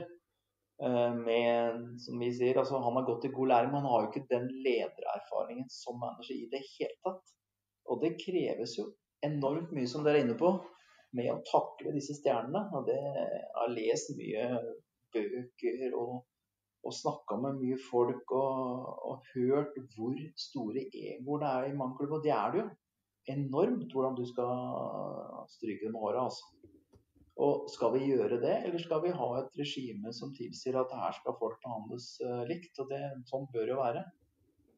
Uh, gutta går på jobb for å levere for klubben, og det er liksom ikke fritt fram å komme en halvtime for seint, eller hva han gjorde mot Tottenham. Da. Det er jo helt forkastelig som kaptein. Mm. Signal er det du sender? Og det... Nei, så Jeg reagerte på det, at han ble henta opp så tidlig. og ja, Nei, Jeg syns det var litt rart. Jeg er helt enig. Jeg er helt enig. Ja, Vi har jo snakka mye om det tidligere i den poden her, Magnus. At det var kanskje et skritt tilbake igjen. Altså Ikke noe vondt om Arteta, for han virker jo som en ekstremt flink fyr. Men det er jo noe med å allikevel eh, Altså, vi bevegde oss bort fra den modellen bare to år tidligere. Eller Ja, halvannet, og så er vi plutselig tilbake der igjen. Ja, hvorfor gikk, gikk de bort fra den nye modellen som var liksom den nye internasjonale fotball og alt mulig, da? Og så bare plutselig kutta de det? Hvorfor gjorde de det? Mm. Men det er jo enormt med maktkamper i en sånn fotballklubb, ikke sant? Her er det mange ulike personligheter som skal ha mest å si. Hvem er det som skaffer de største stjernene? Hvem får ha bonus for, eh, for eh, de beste kjøpa de gjør osv. Det er mye som foregår som eh, ikke kommer ut så mye. Mm. Hvem har de beste agentene? Altså Agentene er jo Ja, det er. Agenter i internasjonal fotball er kanskje den største utfordringen for internasjonal fotball. Med den der grådigheten som de, alle de, eller de, veldig mange agenter viser. da. Det er jo de som bestemmer hvor gutta går. Det er ikke der gutta helst vil spille. Det er agenten som styrer, dessverre. Mm. Jeg, bare se, jeg kan bare se på dokumentaren om han Niklas Anelka som ligger på Netflix. Ja, den har jeg sett. Det er jo Det- tragisk å se hva som, hva som kan skje med hva, hva enkeltpersoner gjør med en spiller. da, Han får en helt skrudd i huet som han ble etter hvert. Han ble jo, kom jo på kant med alle. Mm. Så Jeg så forresten debutkampen hans på reservelaget til Arsenal da han var 17 år. Det er den mest fine opplevelsen av en 17-åring. Altså, han var god, han. Og han var så god som han kunne bli. Altså, han, han kunne blitt kanskje verdens beste, han vilt, men han hadde jo ikke huet med seg. så Nei. tragisk. Han ble vant til Champions League med Real Madrid, så han opplevde litt. Vant uh, glia gull med Arsenal. Så ja. Ja. Nei da. Nei, tilbake til Arsenal. Jeg syns de også reagerte på altså, at de endra strukturen så fort. Uh, så jeg lurer liksom litt på uh, hvorfor det skjedde. Eh, var det bare fordi at det måtte være noe uvennskap med noen av de andre som skulle kutte ut, og så kutta de den modellen, eller hva var det? Det, det er merkelig. Jeg veit ikke. De hadde jo også, for å, for å svare litt på det, så eh, er jo det igjen eh, noe som kaster, et, eh, kaster en skygge over eh, det arbeidet eierne gjør. Da. For det, eh, Gazidis, som var allerede var på vei ut, skulle sitte som en leder av den, den strukturen. Eh, han hadde sikkert allerede begynt å, å flørte med Milan. Eh, Mm, forsvant ja. vel allerede samme, samme høst som Mm. han satte ned den eh, strukturen. Og hvis du ser på det som skjedde nå i, i fjor sommer, når Arsenal da var tungt uh, inne i store forhandlinger med Aubameyang om kontrakt, de var i samtale med Lill om, om Gabriel, eh, og midt i et overgangsvindu, et veldig viktig overgangsvindu, som på mange måter skulle være med, ville definere eh, Artetas inngang til managerjobben. Mm. Og så plutselig, midt i august, midt i overgangsvinduet, så kommer eh, eierne inn med en sånn konsulent, Tim Lewis er det vel. Nei, nå skal Raoul Sené sparkes. Midt i et overgangsvindu. Mm. Eh, Han som da sitter nærmest med, med ansvaret. Eh, og da tenker du, Det er så Johnny come lately, da. Og det er så Ja, ja, ja. typisk eh, Kroenke. Da tenker du at nå skal vi se på PP-dealen. Hvorfor så du ikke på den i fjor sommer? Hvorfor var ikke det til stede eh, når det skjedde den gangen, og satte ned foten? Mm. Ja, PP-handelen den syns jeg er meningsløs, den summen han har kjøpt for. må jeg bare si. Det, Ja, det er ikke value for money akkurat helt- ennå, i hvert fall. det skal vel litt til for at det blir det òg. Mye var det 720 millioner, eller? Regna. Nei, nei det, er vel, det er vel ikke noe tvil om at uh, det er ikke Men det er så mye hva skal vi si, skitten spill som skjer. Eh, agenter mellom klubber, agenter, eh, avtaler som gjøres som ikke kommer fram. Og uten at vi skal snakke om alt det som skjer der, så er det så mye altså, som er synd for fotballen. Mm. Og- Ja, nei, bare håpe at ikke Arsenal eh, legger seg altfor uh, godt i sengs med Kia. Så vi i verste fall er stuck med noen sånne halvavdanka brasilianere de neste fem-ti åra. Nei, nei. Det blir spennende å se. Ja. Men eh, bare ta sånn kort om hva du, hva du tenker om eh, resten av sesongen. Har du noen realistiske eh, forhåpninger med tanke på at vi tar en europaplass? Altså ikke Champions League nødvendigvis, men i hvert fall en Europa-league-plass i ligaen, eller? Altså, jeg håper jo på stigning, og den Tottenham-kampen var jo Jeg syns det var helt fantastisk eh, mye av det vi presterte der. Vi var gode. Eh, Martin var fantastisk for oss. Eh, og vi viser jo at vi kan, men vi må holde på den stabiliteten, og det er det som er greia. Mm. Og så møter vi Vestheim, ikke sant? og så sover vi i 20 minutter, og det er jo helt skandaløs opptreden av enkeltspillere. Um, det er ikke en, du kan ikke liksom Jeg spør hva, hva, hva er det som skjer? Er de ikke Har de vært på, ute på kvelden før? Altså, det er helt utrolig å se på. Og det, selv om det frisparket er jo også en dommertabbe de luxe, at han tillater å ta det frisparket. Men vi må jo følge med uansett, da. Det er det som er hele greia. Og så kan han si at ja, de går og tror at dommeren skal markere hvor friska skal tas, og han tar jo opp uh, sprayen sin. Og det gjør han jo. Det er jo Mm. Det har vi sett bilde på, det ligger ute, ikke sant. Og da, skal, da er det jo ikke lov til å ta det frispark, men uansett så må du være klar. Ja. Nei, ingen unnskyldninger der. Altså. Altså. Og så, og så er vi jo gode, da. Vi henter opp igjen, ikke sant. Kommer tilbake og får 3-3. Det er jo sterkt, det. Men eh, vi surrer jo bort to poeng. Da. Mm. Det er det som er. Og det er jo det Så som har blitt uh... jeg håper og tror at vi kan greie en e-cup, da. Men uh, på en god dag så vinner vi Europaligaen. Mm. Vi er gode nok til det når vi, når vi er på vårt beste. Det hadde vært Det er jo drømmen. Det hadde vært en fabelaktig avslutning på sesongen, det. Må ikke, må ikke lure på det. United, slå United i finalen der. fy fader. Ai, ai, ai. Nei, nå, nå begynner jeg å bli litt sånn uh, Martin forfrysninger. Martin blir matchvinner. Hva blir han? Nei, jeg tenker, nå, nå har du sagt Martin, nå er, liksom, nå er du på fornavn med han såpass at jeg tenker vi må jo ta og gå over til en litt, uh, litt sånn inngående Martin-prat. Altså, du er jo godsemann, har jo jobba som ansvarlig for, eh, for disse borteturene til gods i Europa Mm, sagt, mm. siden 2011. Eh, Du har jo Mm. åpenbart vært i klubben. eh, Ja. Sånn sett, da, mens Ødegaard eh, Jeg, jeg er på etternavn, altså. Mm. har vært der. Det, hva tenker du om, om at Arsenal klarte å få kloa i, i Martin Ødegaard? Nei, altså jeg bor jo nå ca. 300 meter luftlinje fra den berømte Løkka da Martin der var og spilte med guttunge. ikke sant? Jeg vet jo Kjappen, ja. Ja. Uh, og har fulgt han når han kom inn i godset, som var vel en av de yngste som debuterte i Eliteserien. Og, og sett han. Han var på treninga med godset da han var 14 år.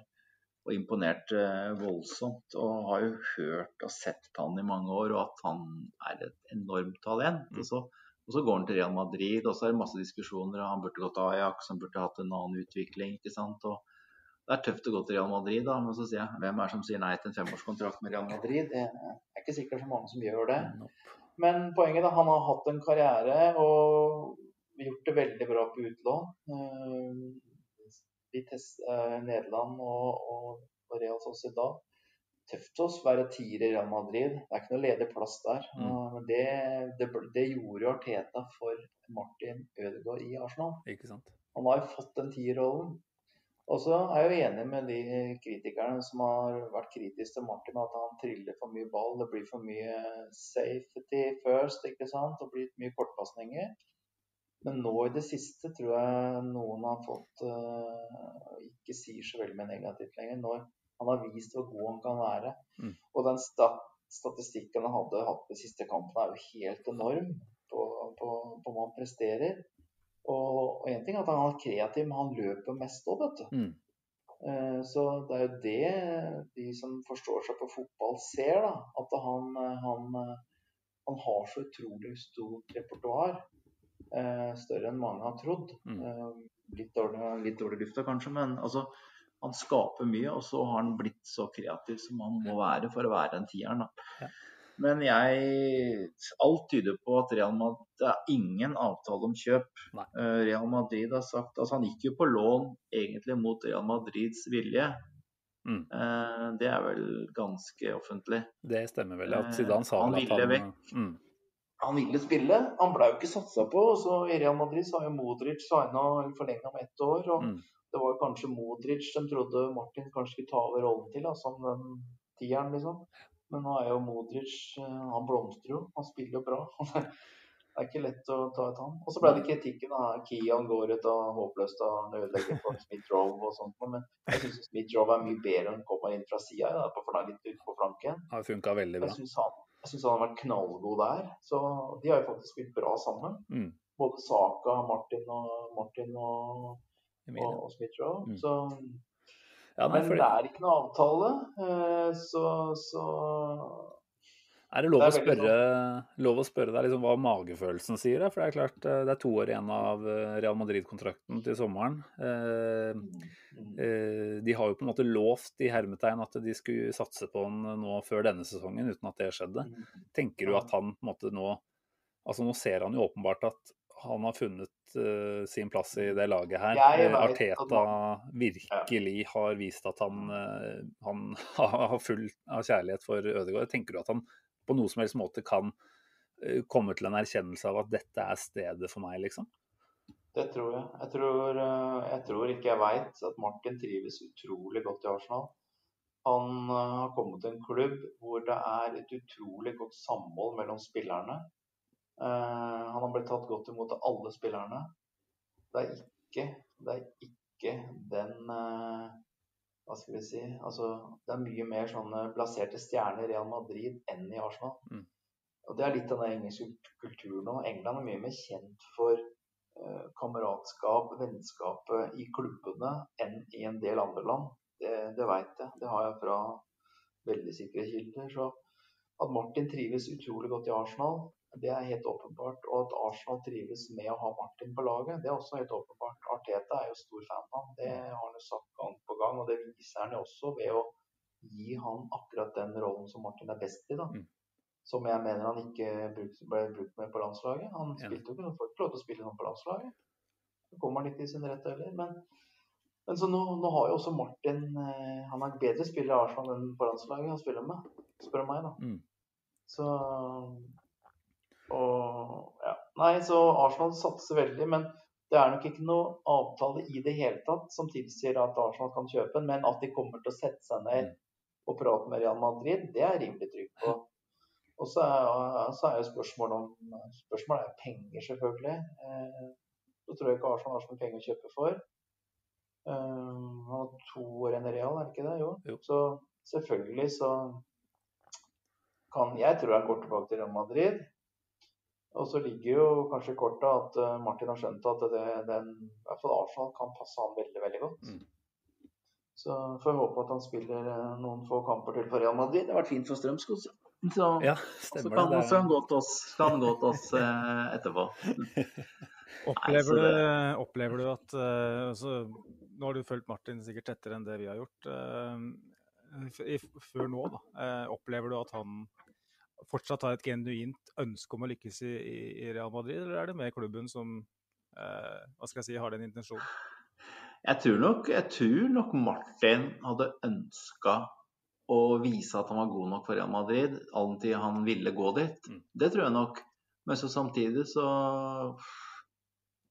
Alt tyder jo nå på at eh, Arsenal passer jo han så ekstremt mye mer enn Real Madrid. I hvert fall sånn som Real Madrid tenker med Martin nå, og de spillerne Real Madrid har som kanskje er foran Martin i køen da, for å være i den rollen han er i nå. Men nå har jo Arteta har jo på en måte åpna plass, og vi har jo ikke hatt den der rollen der. Altså Det er litt den der Øzil-rollen. Mm. Altså Hvis du kan være like smart og, og, og, og kreativ som Øzil, og samtidig løpe like mye som Erna Ramsey, hvis du skjønner meg. Og det er det Martin på sitt beste har gjort i Arsenal. Det er det ekspertene nå, og de som jeg, som jeg syns er bra journalister, da, skriver om. da. Det er det, Veng, nei, det Arteta ser, at hvis du kan ha en, en tier som jobber så hardt og er så god i presset Du ser jo det hvor viktig Martin Ødegaard er for Arsenal i presspillet. Fordi at han jobber så hardt oppe, da. Eh, som ikke gjorde når han ikke spilte. Så ble det stor endring når han kom inn. Så Nei, så det, det blir veldig, veldig spennende å se. Jeg må bare si det. Det er eh, kjempespennende. Det, Nei, tillater, Det seg, tillater seg liksom ikke å håpe helt eh, at dette er noe som eh, er for å vare, men, men det er klart så mye energi som har blitt brukt i nå å virkelig få Ødegaard inn i dette laget her. Så tenker du at det ikke blir gjort kun med tanke på de neste seks-syv ukene, liksom. Det, det er vel sånn at Arteta, ville jeg tenkt, i hvert fall har et realistisk eh, håp om at eh, Ødegaard kanskje kan overtales til å, å bli Arsenal. Ja, for altså, jeg sa det jo vel tidligere i stad òg, at eh, hvis Arteta og Arsenal bruker Martin så sentralt og, og bygger opp han sånn nå, og med, hvis en ikke har tro på at de skal kjøpe den, så reagerer jeg sterkt på det. For da, da, da har vi på en måte bygd opp noe som bare river rett ned da. Så det syns jeg er litt rart. Altså, det kan godt hende at det er noe mer enn det vi er klar over, men avtalen er bare at de skal sette seg ned og, og forhandle, sikkert. Og alt handler om uh, forhandlinger. Og hvis Real Madrid ser at Nei, Martin han passer ikke inn hos oss, vi har nok folk osv. Og, og hvis Arsenal da er villig til å by en bra sum, så er det ikke umulig at de selger. Men de har sagt at de skal ha han tilbake. Og ja, det er klart, hvis Martin spiller sånn som han gjør på Arsenal, så ser også Real Madrid hvor god Martin faktisk er. Da. Ja. Hvis ikke de har sett det før. Men det er jo litt opp til Martin Ødegaard, eller veldig mye opp til Martin Ødegaard. For som vi nevnte tidligere, han har to år igjen eh, på kontrakta. Han har relativt beskjedne betingelser i, Real Madrid, sånn vi har, så i hvert fall sånn det eh, fremgår i media. Eh, hvis han sier at 'jeg vil ikke spille i Real Madrid, jeg vil til Arsenal', så kan jo ok, Real Madrid sette seg på bakbeina. Eh, men om ett år så kommer han i den der klassiske fasen hvor han har ett år igjen, hvor Real Madrid har veldig dårlig kort på, på hånda. De trenger eh, sannsynligvis penger for å kunne finansiere en Mbapp- Mbappé eller en Haaland eller hva det er de tenker eh, til sommeren. Så jeg, jeg, jeg tenker jo at eh, Jeg håper i hvert fall da, at eh, det Arteta har fått en viss, en, et nyss om, ettersom han bruker den så mye, Mm. er at Ødegaard kanskje er villig til å eh, gå til det skrittet. da. Men uh, igjen, det, Bjørn, det kanskje er du bedre til å tolke enn meg. Altså, han uttaler seg jo veldig varmt om Arsenal. Uh, er, det, er det sånn han alltid uttaler seg om de klubbene han er i?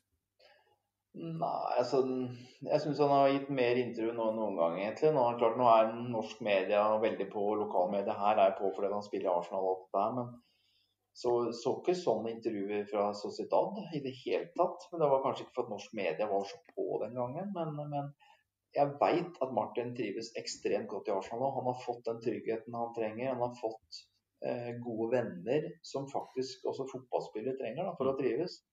Eh, Du skal leve i et annet land, eh, eller et nytt land, og England er ikke det verste landet å leve i. Altså? Men det å få godt forhold til medspillerne dine er viktig.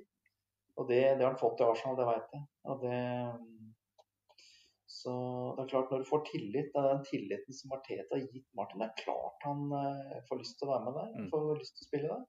Det er ikke et sekund i tvil om. Så må han jo også selvfølgelig si at uh, jeg vil vise at jeg lykkes i Real Madrid. Det er det som, dem som eier eh, og så videre. Så han må jo si det. Dette skjønner vi jo. Mm. Men, og det er jo Ståle Solbakken også klar på. Han vil bruke spillere på landslaget som spiller i klubb, klubblagene sine. Martin har blitt lagkaptein. Eh, hvis Martin skal gå tilbake til Real Madrid og ikke få spille, så vil det merkelig at han skal være landslagskaptein og opprettholde den formen ved å spille på reservelaget til Real Madrid og trene bare med dem. Jeg tror han får en nedtur ennå. Mm. Han får en opptur, han, får han spiller, eh, spiller og får eh, enorm tillit. Eh, Arteta løfter han fram, satser på han. Han får lov til å, å, å vise hvor god han er, da. På den måten han får spille på. Det er jo som du, Simen, sikkert, som det du har sett òg, at eh, han omtales jo på en helt annen måte enn altså Han omtaler jo Arsenal på en helt annen måte enn Ceballos gjør. Ceballos er jo hele tida opptatt av å snakke om at jeg skal tilbake til Madrid, jeg skal tilbake Ja, ja, der og lykkes. ja. Så, han, så da mener jeg sånne lån det, han jo- har vi ikke bruk for, etter min mening. da. Eh, Ja, han hadde gjort bra kamper. Nei, ikke det. Jeg mener han er absolutt en god spiller, men eh, jeg er skeptisk til de låna, jeg må si det. Hvor mye ofrer de for klubben? Han skal bygge seg opp, han skal hjem igjen, ikke sant. Og... Nei, det er, eh, jeg er skeptisk. Altså. Ja. Men det er jo det er det internasjonale, det er de nye greiene om at det er mer lån. Det er jo det. Ja, det jeg i hvert fall kjenner at jeg blir mer og mer eh, sikker på, er at den potensielle europaligatriumfen vi står overfor nå på slutten av sesongen, den tror jeg kan bli altså kanskje avgjørende, rett og slett, da, for om en Ødegaard blir eh, eller ikke. Altså det å kunne tilby Champions League-spill og da også ha litt mer penger å by eller legge på bordet, eh, det tenker jeg rett og slett kan være det som bikker det i vår favør. Eh, Det er jo klart at Ødegaard ønsker å spille Champions League. Han er ikke en europalegaspiller, han. Eh, Men det, er jo, det har liksom vært mye skriverier nå, ikke sant. Real Madrid og hvem er potensielle med Haaland og alle som angivelig har greie på spansk fotball, sier at Real Madrid har ikke så mye penger. De bygger jo ny stadion. Eh, Det koster enormt med penger. Eh, Disse koronatider, klubbene har ekstremt mye dårligere råd. Mm. Det ser alle har jo det. Så, så det kan godt hende de vil akseptere da et kjøp for å finansiere noe annet. Det, så det taler til fordel av Arsenal, da, at eh, Real Madrid ikke har de flust med, med penger som enkelte andre har. Mm. Og ikke minst stadion og. Det er vanskelig å si. Nei, det blir veldig, veldig spennende å se hva vi, hva vi kan enig i det med Magnus. altså det Kan vi tilby Champions League? Ikke minst er vi i Europaligaen. Altså, vi må i hvert fall komme dit. Mm. Og så blir vi jo mye mindre attraktive. Mm. Ja, det er spennende å se, men eh, det, det er jo mye som tyder på at eh, Arteta nesten håper og tror at han skal signere, da. Siden han bruker den så mye. Og blir så sentral. Ja, nei, Vi kan håpe å tolke det i den retninga der, i hvert fall. Det, det er vanskelig å si, rett og slett. Men, eh, men jeg er også jeg er helt enig med deg. Det ville vært rart å investere så mye eh, tid da, i en som du veit blir borte. Så nei, det, det er bare å krysse fingra av dere. Eh, skal vi bevege oss videre til neste punkt på planen, eller Magnus? Det er ikke, det er ikke du som skal være hovedrolleinnehaver helt ennå med X-spilleren, men uh, vi har jo gitt deg en liten oppgave, Bjørn, sånn som vi pleier å gjøre til uh, de gjestene som kommer innom her. Og det er jo å sette opp en uh, Arsenal drømmelver med spillere fra, fra din tid som supporter. Og du, du var innpå der i stad, du har vært supporter siden 70-tallet. Du har litt av hvert å plukke fra.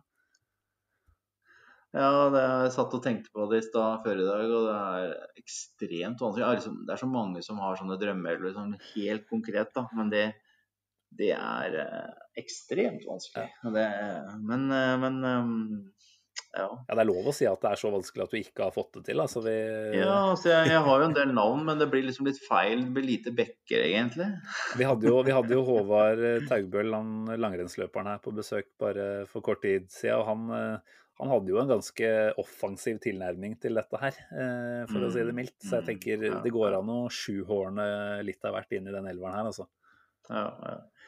Nei, altså, jeg har jo vært så heldig, da. og Det er fordelen med å ha levd noen år, at du har opplevd mange spillere. og Hvis du liksom begynner på topp, da, og med, med Tiran Henry og Bergkamp, er jo soleklare for å ha med på et uh, topp uh, Altså et all star-team, for å si det sånn. Mm. Det er ikke noen tvil om det. Men også har jeg også opplevd Ian Wright, da.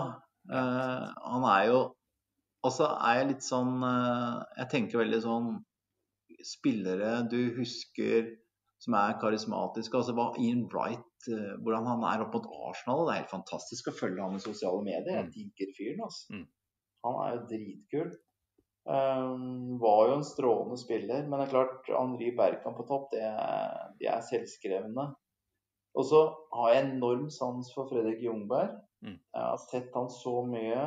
Uh, Gammer Highbury, uh, We Love You Freddy-sangen. Altså, han hadde høy stjerne. Altså.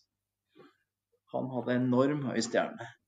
Og det er klart, Patrick Geira på midtbanen må man jo bare ha med. altså Maken til spiller og de duellene med, med, med United og Keane og den store spillertunnelen og nesten skalla hverandre ned før midt på banen. Og de duellene der er helt fantastiske. Altså det. Og så satt jeg og tenkte på altså En av mine store favorittspillere i gamle, da, gamle dager er jo en som heter Liam Brady. Som eh, dere har selvfølgelig hørt om, han, men dere har sikkert ikke sett så mye til den. Men for en spiller. Men det blir liksom Det var en helt annen tid.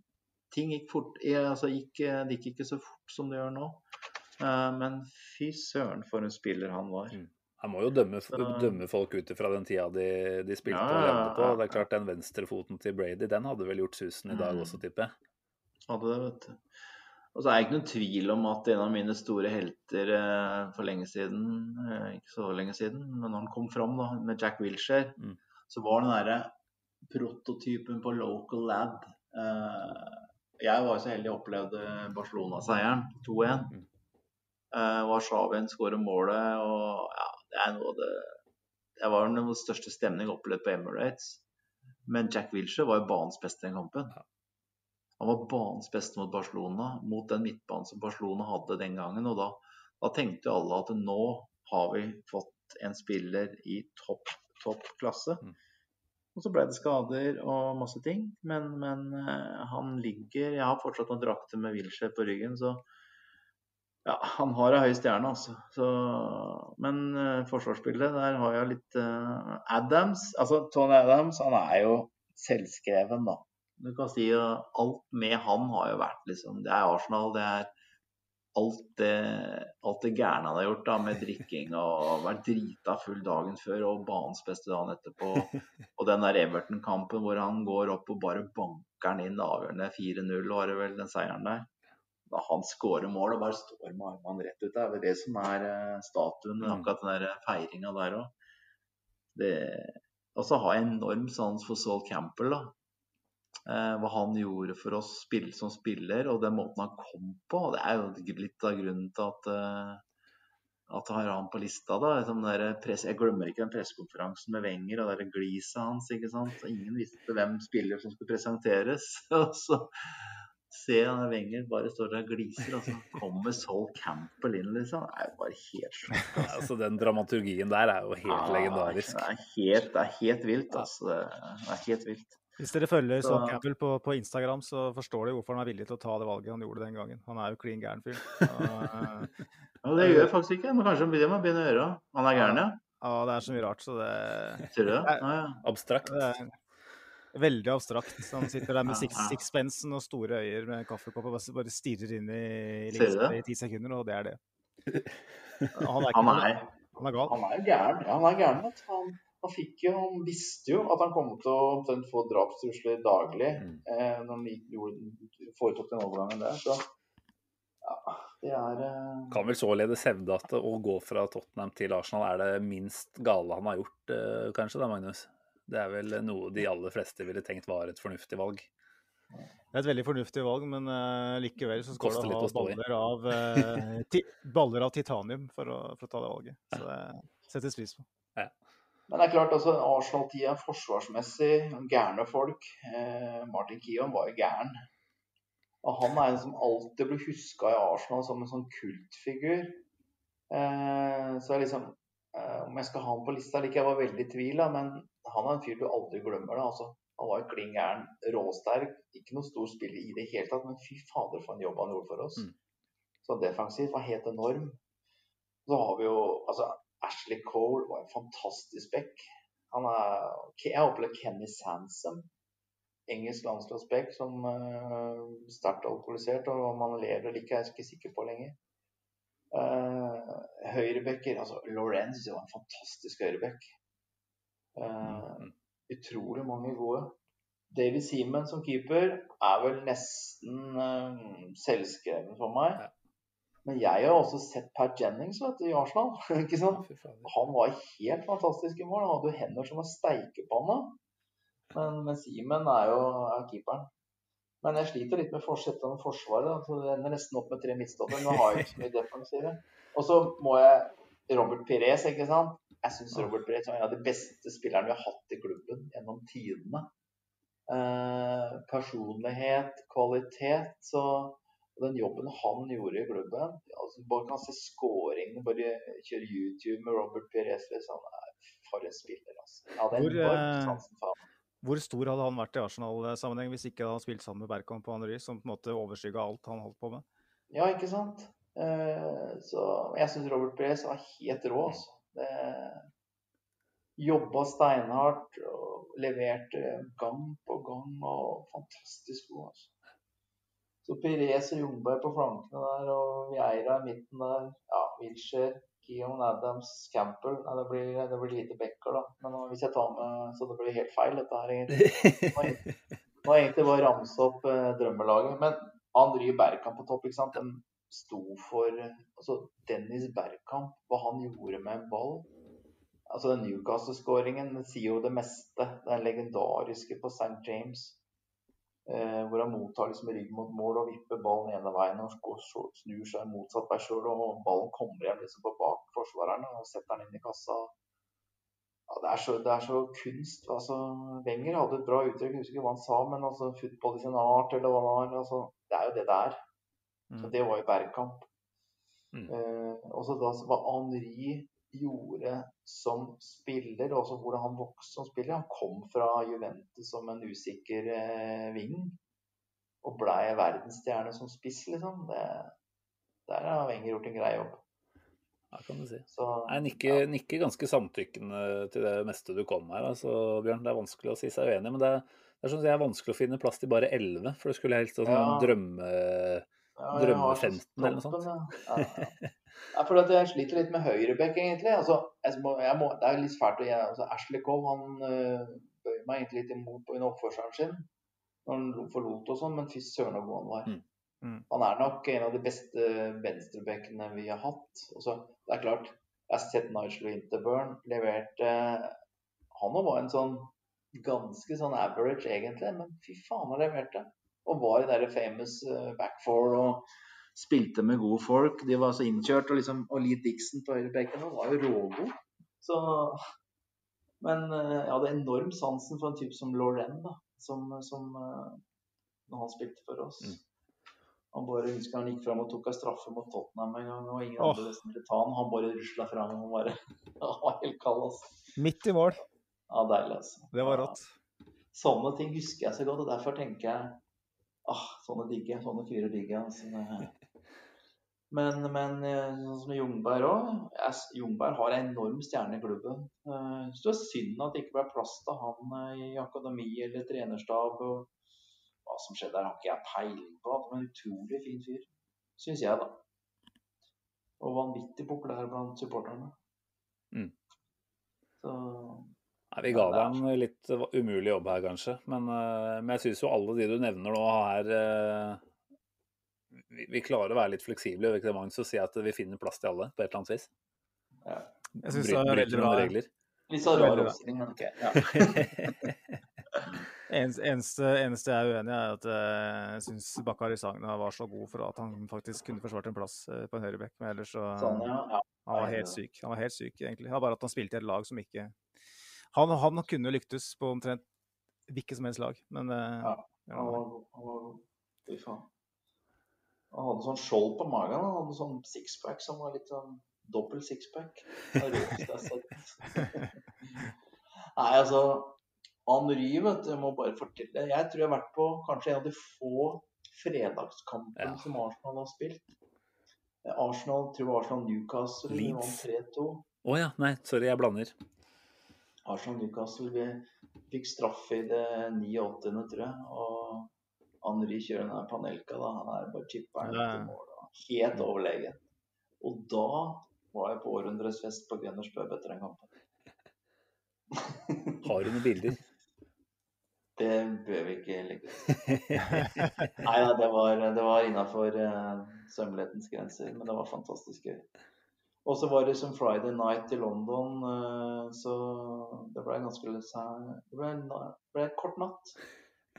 Men det var utrolig gøy. Uff. Nå, nå kjenner jeg at eh, vi må nesten ta en ny runde med London-prat her, for nå, nå ble jeg gira igjen. Åh, jeg blir gira av å prate om det. Bare få flashback altså, til eh, gode minner. Ja. Nei, det var fin, fin drømmetretten, eller hva vi skal kalle det, det her, Bjørn. Jeg syns du, du Ja. leverer meget godkjent. Mm. Skal du bare ta med, da, siden vi nevnte dette med London igjen, så, så har det dukka opp et par innspill her på Twitter nå mens vi har prata. Eh, Stian Børling, som ofte er en, eh, en Ja, trof, trofast eh, følgesvenn på poden her. Du kjenner selvfølgelig eh, fra, fra mange turer. Eh, han eh, mimrer tilbake her til eh, da man reiste tolv mennesker samlet eh, med Arsenal-Kristiansand på kamp mot Hull for noen år tilbake. Det ble 2-0-seier. Noen på kamp eh, for første gang, noen for n-te gang. Eh, det var en fantastisk tur med mye godt øl, koselige puber og Emirates-tur. Og der har du liksom eh, Der har du oppskriften på en god helg i London, altså. Ja, og det tror jeg kanskje var da jeg ble godt kjent med Stian, egentlig. Og den kjempefine gjengen fra Kristiansand, som er en herlig gjeng. Og det er mange av de jeg har møtt før, da, men da var de reiste dem samla. Og fantastisk fin gjeng. Og, og så møtte dem på Det var finalen mot Chelsea til FA-cupen, hvor jeg faktisk Jeg jobba litt for Fotballforbundet, var som sikkerhetsdelegat. Og da, da dro jeg innom Er ikke Harvest det heter, eller noe sånt? Tror jeg, Kristiansand. En pins på fotballpub. Eh, hvor jeg møtte den hyggelige gjengen der og ble en kjempefin kveld. Så Det er kult du sier det, Bjørn. For Inne inn på Facebooken-sida vår nå, så har Stian lagt ut et bilde fra nettopp eh, den, eh, den dagen. Han skriver vi hadde tilfeldig besøk av denne hyggelige mannen på vårt faste vannhull, Harvis, under en Arsenal-kamp Mm. eh, for Arsenal Kristiansand for noen år tilbake. Han ble utover kvelden. Fotballpraten satt løst om Arsenal, IK Start og hans kjære godset. Han gjør og har gjort veldig mye for Arsenal-supportere og gjengen hans fra Drammen. Og så er det bilde av deg og, og nevnte Stian sammen. herlig. Send en hilsen til Stian og gjengen. Han hører på, så eh, knallbare gjeng. Jeg gleder meg til å møte dem igjen. Ja, nei, det var kanskje et fint sted å, å bortimot runde av, gutta. Er det ikke sånn at vi har prata halvannen time nå, og da begynner det å nærme seg tørt i kjeften? Mm. Men eh, Ja. du har fortsatt eh, noe du skal levere, Magnus. Eh, X-spilleren. Jeg vet ikke om du, du har noen helt soleklar favoritt, jeg, Bjørn, av X-spillere? Altså, det er jo én spiller som, som kunne fått en statue på Emirates. Fra Nederland. Som ikke allerede har fått det. Ja. Som heter Robin. Au. Nå, nå skjønner jeg ikke helt hvor du vil, faktisk. Nei, ikke sant? Tenk, tenk, hva, tenk hva han ble håna. She said no, Robin. Nei, det er ikke pent. Nei, du, Så- du er altså av den litt sjeldne sorten som ønsker å ta han litt i, litt i forsvar? Nei, nei, nei. Han, det han gjorde Altså, det han presterte for oss, hvis vi er litt objektive nå, vi skal Ja. prøve å være objektive han jo, altså Det han presterte for oss, altså de skåringene han sto bak, var jo bare helt magiske. Helt magiske. Jeg har opplevd så mye med han og skåringer, og uansett hvilket lag. Fantastisk spiller. Og så blir han bare sånn pain in the ass, og han skal få et trofé, og så går han og vinner ligaen for United, liksom. Og det blei jo Da blei det jo vond smak i munnen. Mm. Så det er jo trist at det blir sånn. At en spiller blir glemt for alt det bra han gjorde, fordi at han ble en sånn litt sånn pain in ass, og så hadde en oppførsel som jeg ikke likte. Så han er ut. Han er ut. Ja. Så skal vi snakke pent om X-spillet. Hvem skulle det vært? Ja, skal vi se. Nei, jeg tror jeg får det til Magnus, kanskje. Ja. Magnus har jo allerede nevnt eh, Robin i en tidligere X-spillerspalte, og jeg vet ikke om vi kan Ja, si at han bare kom heldig ut av det der, eh, Magnus. Du, Nei, du tok ham vel eh, eh, rettferdig for deg, vil jeg si. Jeg, har, eh, jeg, må, jeg er litt ferdig med van Persie. Jeg havna jo på, i Østlendingen, lokalavisa, dagen etter han gikk til United. Hvor jeg sa litt på spøk til journalisten at det, er som, det er som en landsforræder. Så sto det at jeg hadde i avisa at mange Arsenal-supportere sammenligner van Persies overgang til United med Med landsforræder. Ja, Quisling. Og jeg brente drakta til oss på NRK, så jeg, jeg, må, jeg må roe ned. Jeg kan ikke snakke om van Persie. Og jeg Du må, det? ja, og på, på Kveldsnytt eh, den, den Men kvelden. Magnus, jeg, jeg har aldri kjøpt en drakt med van Persie på ryggen. da. Nei, det, det, hadde, det gjorde du lurt i. Jeg hadde jo Men jeg innførte jo noe nytt da, når det gjelder drakter. Det kan vi ta med til slutt. Som flere har begynt å ta etter meg for noen. All Eleven. Ja, det er fint. Mm. ALL. Og så en engelskmann som kommer til meg. Hello, is your name Al? No. no. Alle gutta. Det er litt enklere. Bare slipper å bytte drakt når spillerne går fra klubben. Ja, det er godt, godt tips, det. Ja. OK. Nei, men Magnus, da tenker jeg du bare må gunne på jeg, med X-spillerspalten din. Kjør på når du er klar. Måten jeg håndterte ham på, var annerledes enn med de andre. Han forsto selv at han ikke hadde den nødvendige mentaliteten, fysikken eller viljen til å kjempe.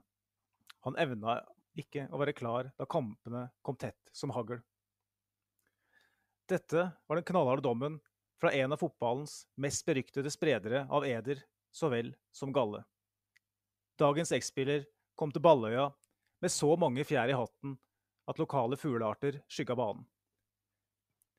Med fasit i hånd var det dermed med en viss overraskelse at man kunne stadfeste at den genierklærte kreatøren var totalt ribba for både de fysiske og mentale ferdighetene som krevdes. I alle fall hvis vi skal tro mannen som fikk i oppgave med å fintune artisten. En portugisisk bussjåfør som attpåtil elska å kaste motpoler under sin egen buss. Det hjalp heller ikke at den offensive midtbanespilleren møtte opp til sesongoppkjøringen med ballongbuk. Ikke mer sukkertøy, ikke mer lade. Den portugisiske kynikeren hadde sett nok. En chilensk pianist var det hjertet lystra. Og noen morgen senere materialiserte seg en byttehandel så svak at begge parter endte opp som Ronald Wayne, mannen som solgte Apple-aksjene sine på 70-tallet for 800 dollar. Dagens X-spiller gikk fra parkert buss til NASCAR. Fra forsvaring av bur til fri dressur. Dette skulle passe ham enestående godt. Frist til minne var monstertallene fra hans siste sesong i tysk fotball. Elleville 55 målpoeng på 52 kamper fikk fotballverdenen til å måpe. Og nå skulle Arsen Wenger pare ham med selveste Mesut Özil. Dette måtte bli bra. I sin første ligastart fleska han til med tre assist og stjal rampelyset fra klubbens rekordsignering, som også debuterte på Emirates-matta denne kvelden. Dessverre skulle det vise seg å være et blaff. I de resterende ni ligakampene den sesongen noterte han seg for fattige én målgivende og prestasjoner som minna mest om tiden hans i Manchester, og svært lite om herjingene i Tyskland. Påfølgende sesong fortsatte i samme spor, med unntak av en toukersperiode på vårparten hvor han var helt enormt god. De som har fulgt karrieren hans, vet at han gjerne bruker lang tid på å bli varm i trøya, men når det først løsner, så løsner det for alvor. Det var derfor mange som lot seg rive med da angriperen laget hakkemat av Southampton og Bournemouth, samt storspill mot Spurs på Wembley. Fem målpoeng på tre kamper var fasiten. Det var like mange som han hadde klart på de foregående 18 ligakampene til sammen. Dessverre var det nok et blaff fra mannen med egen dokkekolleksjon. En kortvarig ryggskade forstyrra rytmen, og nok en gang virka det som han trengte et helt år på å gjenvinne formen. Så lang tid fikk han heldigvis ikke, og året etter ble han lånt ut til Serie A. Etter å ha gjort sakene sine bra i en liga med mindre heseblising og tempo, ble han, som flere av sine jevnaldrende lagkamerater, barmhjertig skjenka som en veldedighet til en annen europeisk storklubb. Det ble kun 18 måneder i Nord-London. Kanskje hadde Mourinho et poeng denne gangen. Den armenske stjernen fikk aldri skikkelig fotfeste i Premier League og virka å mangle mye. Dog mangla han ikke intuisjon til å bedrive merkevarebygging, og den interaktive dukkeversjonen av ham skal etter sigende ha solgt bra. Så om du liker Henrik Mkhitarian, sørg for å sikre deg en Mickey-figur. Et, et perfekt skalkeskjul for en fotballfanatiker som også er svak for dukker. Ja. Det er vel kanskje det beste vi kan si om uh, Mykteran, At uh, han har en dokke som lager morsomme lyder. Uh, alle som har hørt på Arsblog sin Arscast, har vel blitt velkjent med den uh, Miki, eller hva han uh, pleier å si. hva, hva tenker du om Det er ganske utrolig hvor Nei, jeg sier altså De tenkte vel liksom tenkte Det var han presterte i Bundesliga, da. Og samspillet med ja, Dortmund og alt, så hadde man sikkert ganske store forhåpninger. Og så ble det en ganske stor nedtur. En kostbar nedtur. ja, det også. Ja. Vi endte vel opp med å la han gå gratis, eller kjøpte vi han til og med ut av kontrakten eh, for at han skulle ture videre til Roma? Det ble vel en uh, Det er vanskelig å spørre, svare på, merket. Uh, det var en uh, avtale som ble gjort der som i hvert fall sørga for at Arsenal ikke tjente på det. Nei. Det har jo vært et problem for Arsenal at man har gitt altfor mange spillere altfor høye lønninger. Og man har gitt dem så gode kontrakter at ingen ville gå. vet du. Man ville gå kontraktsteg ut fordi at de har hatt så enorm, en enormt bra lønn. Mm. og det er jo Wengers, Wengers verk, for å si det sånn. Ja. Det er for mange av de gutta som tjener for mye penger. Absolutt. Men om Miktarian, da, så Magnus, må vi si at han er vel en, en ganske liten parentes i, i, denne klubbens historie. Jeg vil nesten si at noe av det mest betydnings- eller merkverdige som skjedde, var vel dette med at han ikke fikk lov til å delta i Europaligafinalen mot Chelsea i Aserbajdsjan. Pga. Mm. den konflikten som er mellom Armenia og Aserbajdsjan.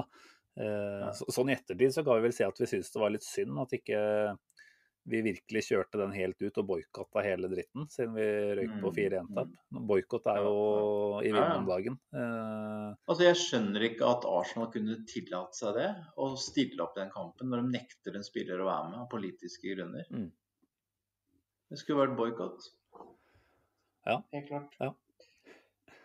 Det var jo ikke noe morsom kamp heller. Nei, det var ikke det. Det var bedre på Hvor var det vi var, da? Eilivs. Der var det bedre. Der var det hyggelig. det. Ja, ja. Mye hyggeligere. Ja, men Bra levert, Magnus. Eh, fint eh, tilbakeblikk, selv om eh, jeg må si at du har hatt, du har hatt de X-spillerne som har gitt meg mer eh, emosjonelt enn en Miktarian klarer å få til, altså. Vi skal vel drive podkast eh, forhåpentligvis en god stund til, så jeg er nødt til å ta med Parentesa hvis vi skal ha noe Ja, i sant? gang. Tenker jeg Vi hadde jo virkelig kruttsterk eh, levering på gjestefronten i dag. Da får det heller være at X-spilleren er litt, eh, litt mer i bakgrunnen. Ja, ja. Ja, nei, men eh, dere. Eh, klokka går. Eh, selv om det er landslagspause, så har vel folk litt av hvert annet å finne på enn å høre på evig lange podcaster, så vi må vel begynne å runde av. Men eh, det er Liverpool til, eh, til helga, Bjørn. Hva, hva tenker du om kampen sånn veldig, veldig kort? Eh, Får vi en, eh, en ny storseier? Arteta har jo vært ganske, ganske god da, jevnt over mot de andre storlagene. Ja, jeg tror vi tar Liverpool. Um, hvis vi er i nærheten av det prestasjonen med Tottenham, Mm. så slår vi Liverpool. Og det tror jeg vi er. Så, og da, da, da ser vi bare oppover på tabellen, og da tenker vi e-cup, byggeprestasjon. Så kjempeoptimist for den kampen her. Altså det, jeg tror det skal bli bra. Ja, altså, det synes jeg sliter, og vi skal eie den kampen her. Og vi skal styre. Vi skal pushe den. Jeg skal, jeg skal se Klopp stå der, furte på sida. Det digger jeg. Han har furta mye i det siste, så uh, vi får håpe vi klarer å legge til litt mer der. Klager på syta på mye rart. Så de får, de får smake litt på eget grep. At de kjørte rådrift på egne spillere i lang tid. Så plutselig fikk de plutselig masse skader. Så skjønte de ikke helt hvorfor. Men enhver person som ser lagoppstillingen til Liverpool på ubetydelige kamper, skjønner at her burde man spart litt spillere. Mm. Men det gjorde han ikke i lange perioder, og så plutselig ble det masse skader. Så han sliter litt nå. Men eh, ja. Det har kommet seg litt tilbake, da, men det, jeg tror vi skal ta det. Ja, jeg, jeg liker din analyse så godt at vi trenger egentlig ikke å ta vår, Magnus. Vi, vi kan slå oss til ro med det, kan vi ikke det? At vi, vi slår Den, Liverpool. eh, den ville nok ha gjort stemningen noe mer laber, så vi vi Jeg tror avslutter. også ja, hva, sa du, hva sa du, Bjørn? Ja, det er viktig å ha det hyggelig på en mandag kveld. Da. Jo, enig. Ja, Nei, dette har vært veldig trivelig. Eh, får jo oppfordre helt til slutt igjen, da, hvis det er noen som henger med her, at, eh, at disse um, medlemskapene i Arsenal Norway de, eh, de er veldig enkle å, å finne ut av. Det er vel bare å gå inn på gunners.no og, og finne medlem i nedtrekksmenyen der, så, så er man eh, et offisielt medlem av supporterklubben på 1, 2, det er 3. Så, Og så er det som du sier, det gir deg tilgang på billetter, og det gir deg tilgang til en verden av et sosialt liv som er helt fantastisk å oppleve, Mm. som jeg kan anbefale på det sterkeste. Det å bli kjent med så mye fine folk. Når vi snakka om eh, Stian og gjengen i Kristiansand. Altså, jeg har møtt så mye hyggelige folk. eh, Sivert har sendt inn spørsmål. Altså, jeg har møtt så mange mennesker da, som er så trivelige å være sammen med. Som ja, kan ha det hyggelig sammen. og Plutselig så joiner du fire nye mennesker du ikke har møtt før på middag, og så har du det kjempehyggelig på den der italienske pizzaen eh, tvers over Bank of Friendship, som er et sånt stamsted. Helt fantastisk hyggelig. Det blir en stor, lykkelig familie. ah, vi gleder oss til vi er tilbake eh, i storbyen. Det blir bra. Det, det gjør vi. Ja. Nei, men eh, da tror jeg vi bare sier at vi runder av der, er dere. Er ikke det greit da, Magnus? Ikke noe mer som er usnakka nå? Ikke mer sukkertøy eller lade i dag. Nei. Eller øl, for den saks skyld. Nå er det bare å finne køya. Takk Finne for en hyggelig, hyggelig prat. Ja. ja, nei, vi setter jo veldig stor pris på om eh, de som lytter eh, har lyst til å gå inn på Facebook eller eh, Twitter og servere en liten like eller follow der. Det, det syns vi er veldig ålreit. Og komme med innspill i form av meninger eller spørsmål før, før neste pod. Det oppfordrer vi også alle til å gjøre. Så har vi mer å prate om her når vi, når vi er på lufta om en liten ukes tid. Bare si takk for at du putta oss i ørene, så høres vi igjen om ikke så altfor lenge. Ha det bra.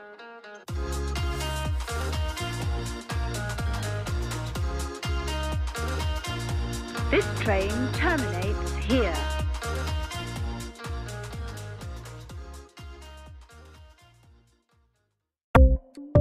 Ukens annonsør er HelloFresh. HelloFresh er verdens ledende matkasseleverandør og kan være redningen i en travel hverdag. Mange av oss har nok vandret i butikken både sultne og uten en plan for middagen, som ender med at vi går for de samme kjedelige rettene gang på gang. Middag burde være dagens høydepunkt. Som HelloFresh kan du nå velge mellom 25 ulike retter hver eneste uke, eller få HelloFresh til å sette sammen menyen for deg. Dette gir deg muligheten til å prøve nye og spennende retter alene eller sammen med familien. Du velger antall porsjoner og får alt levert på døren på et tidspunkt som passer for deg. Oppskriftene er enkle, og maten er lett å lage både for store og for små. Ved å få alt levert hjem får du også mer tid til å dele matgleden med familie og venner. Kanskje det frister med asiatiske tacos eller greskinspirert kylling?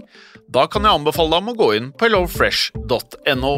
Her kan du bruke koden FOTBALL og få opptil 1779 kroner i rabatt på de første fem matkastene hvis du ikke har prøvd Hello Fresh tidligere.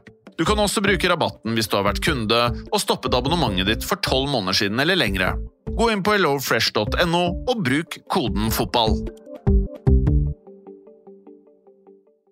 Har du et enkeltpersonforetak eller en liten bedrift? Da er du sikkert lei av å høre meg snakke om hvor enkelt det er med kvitteringer og bilag i fiken, så vi eh, gir oss her, vi.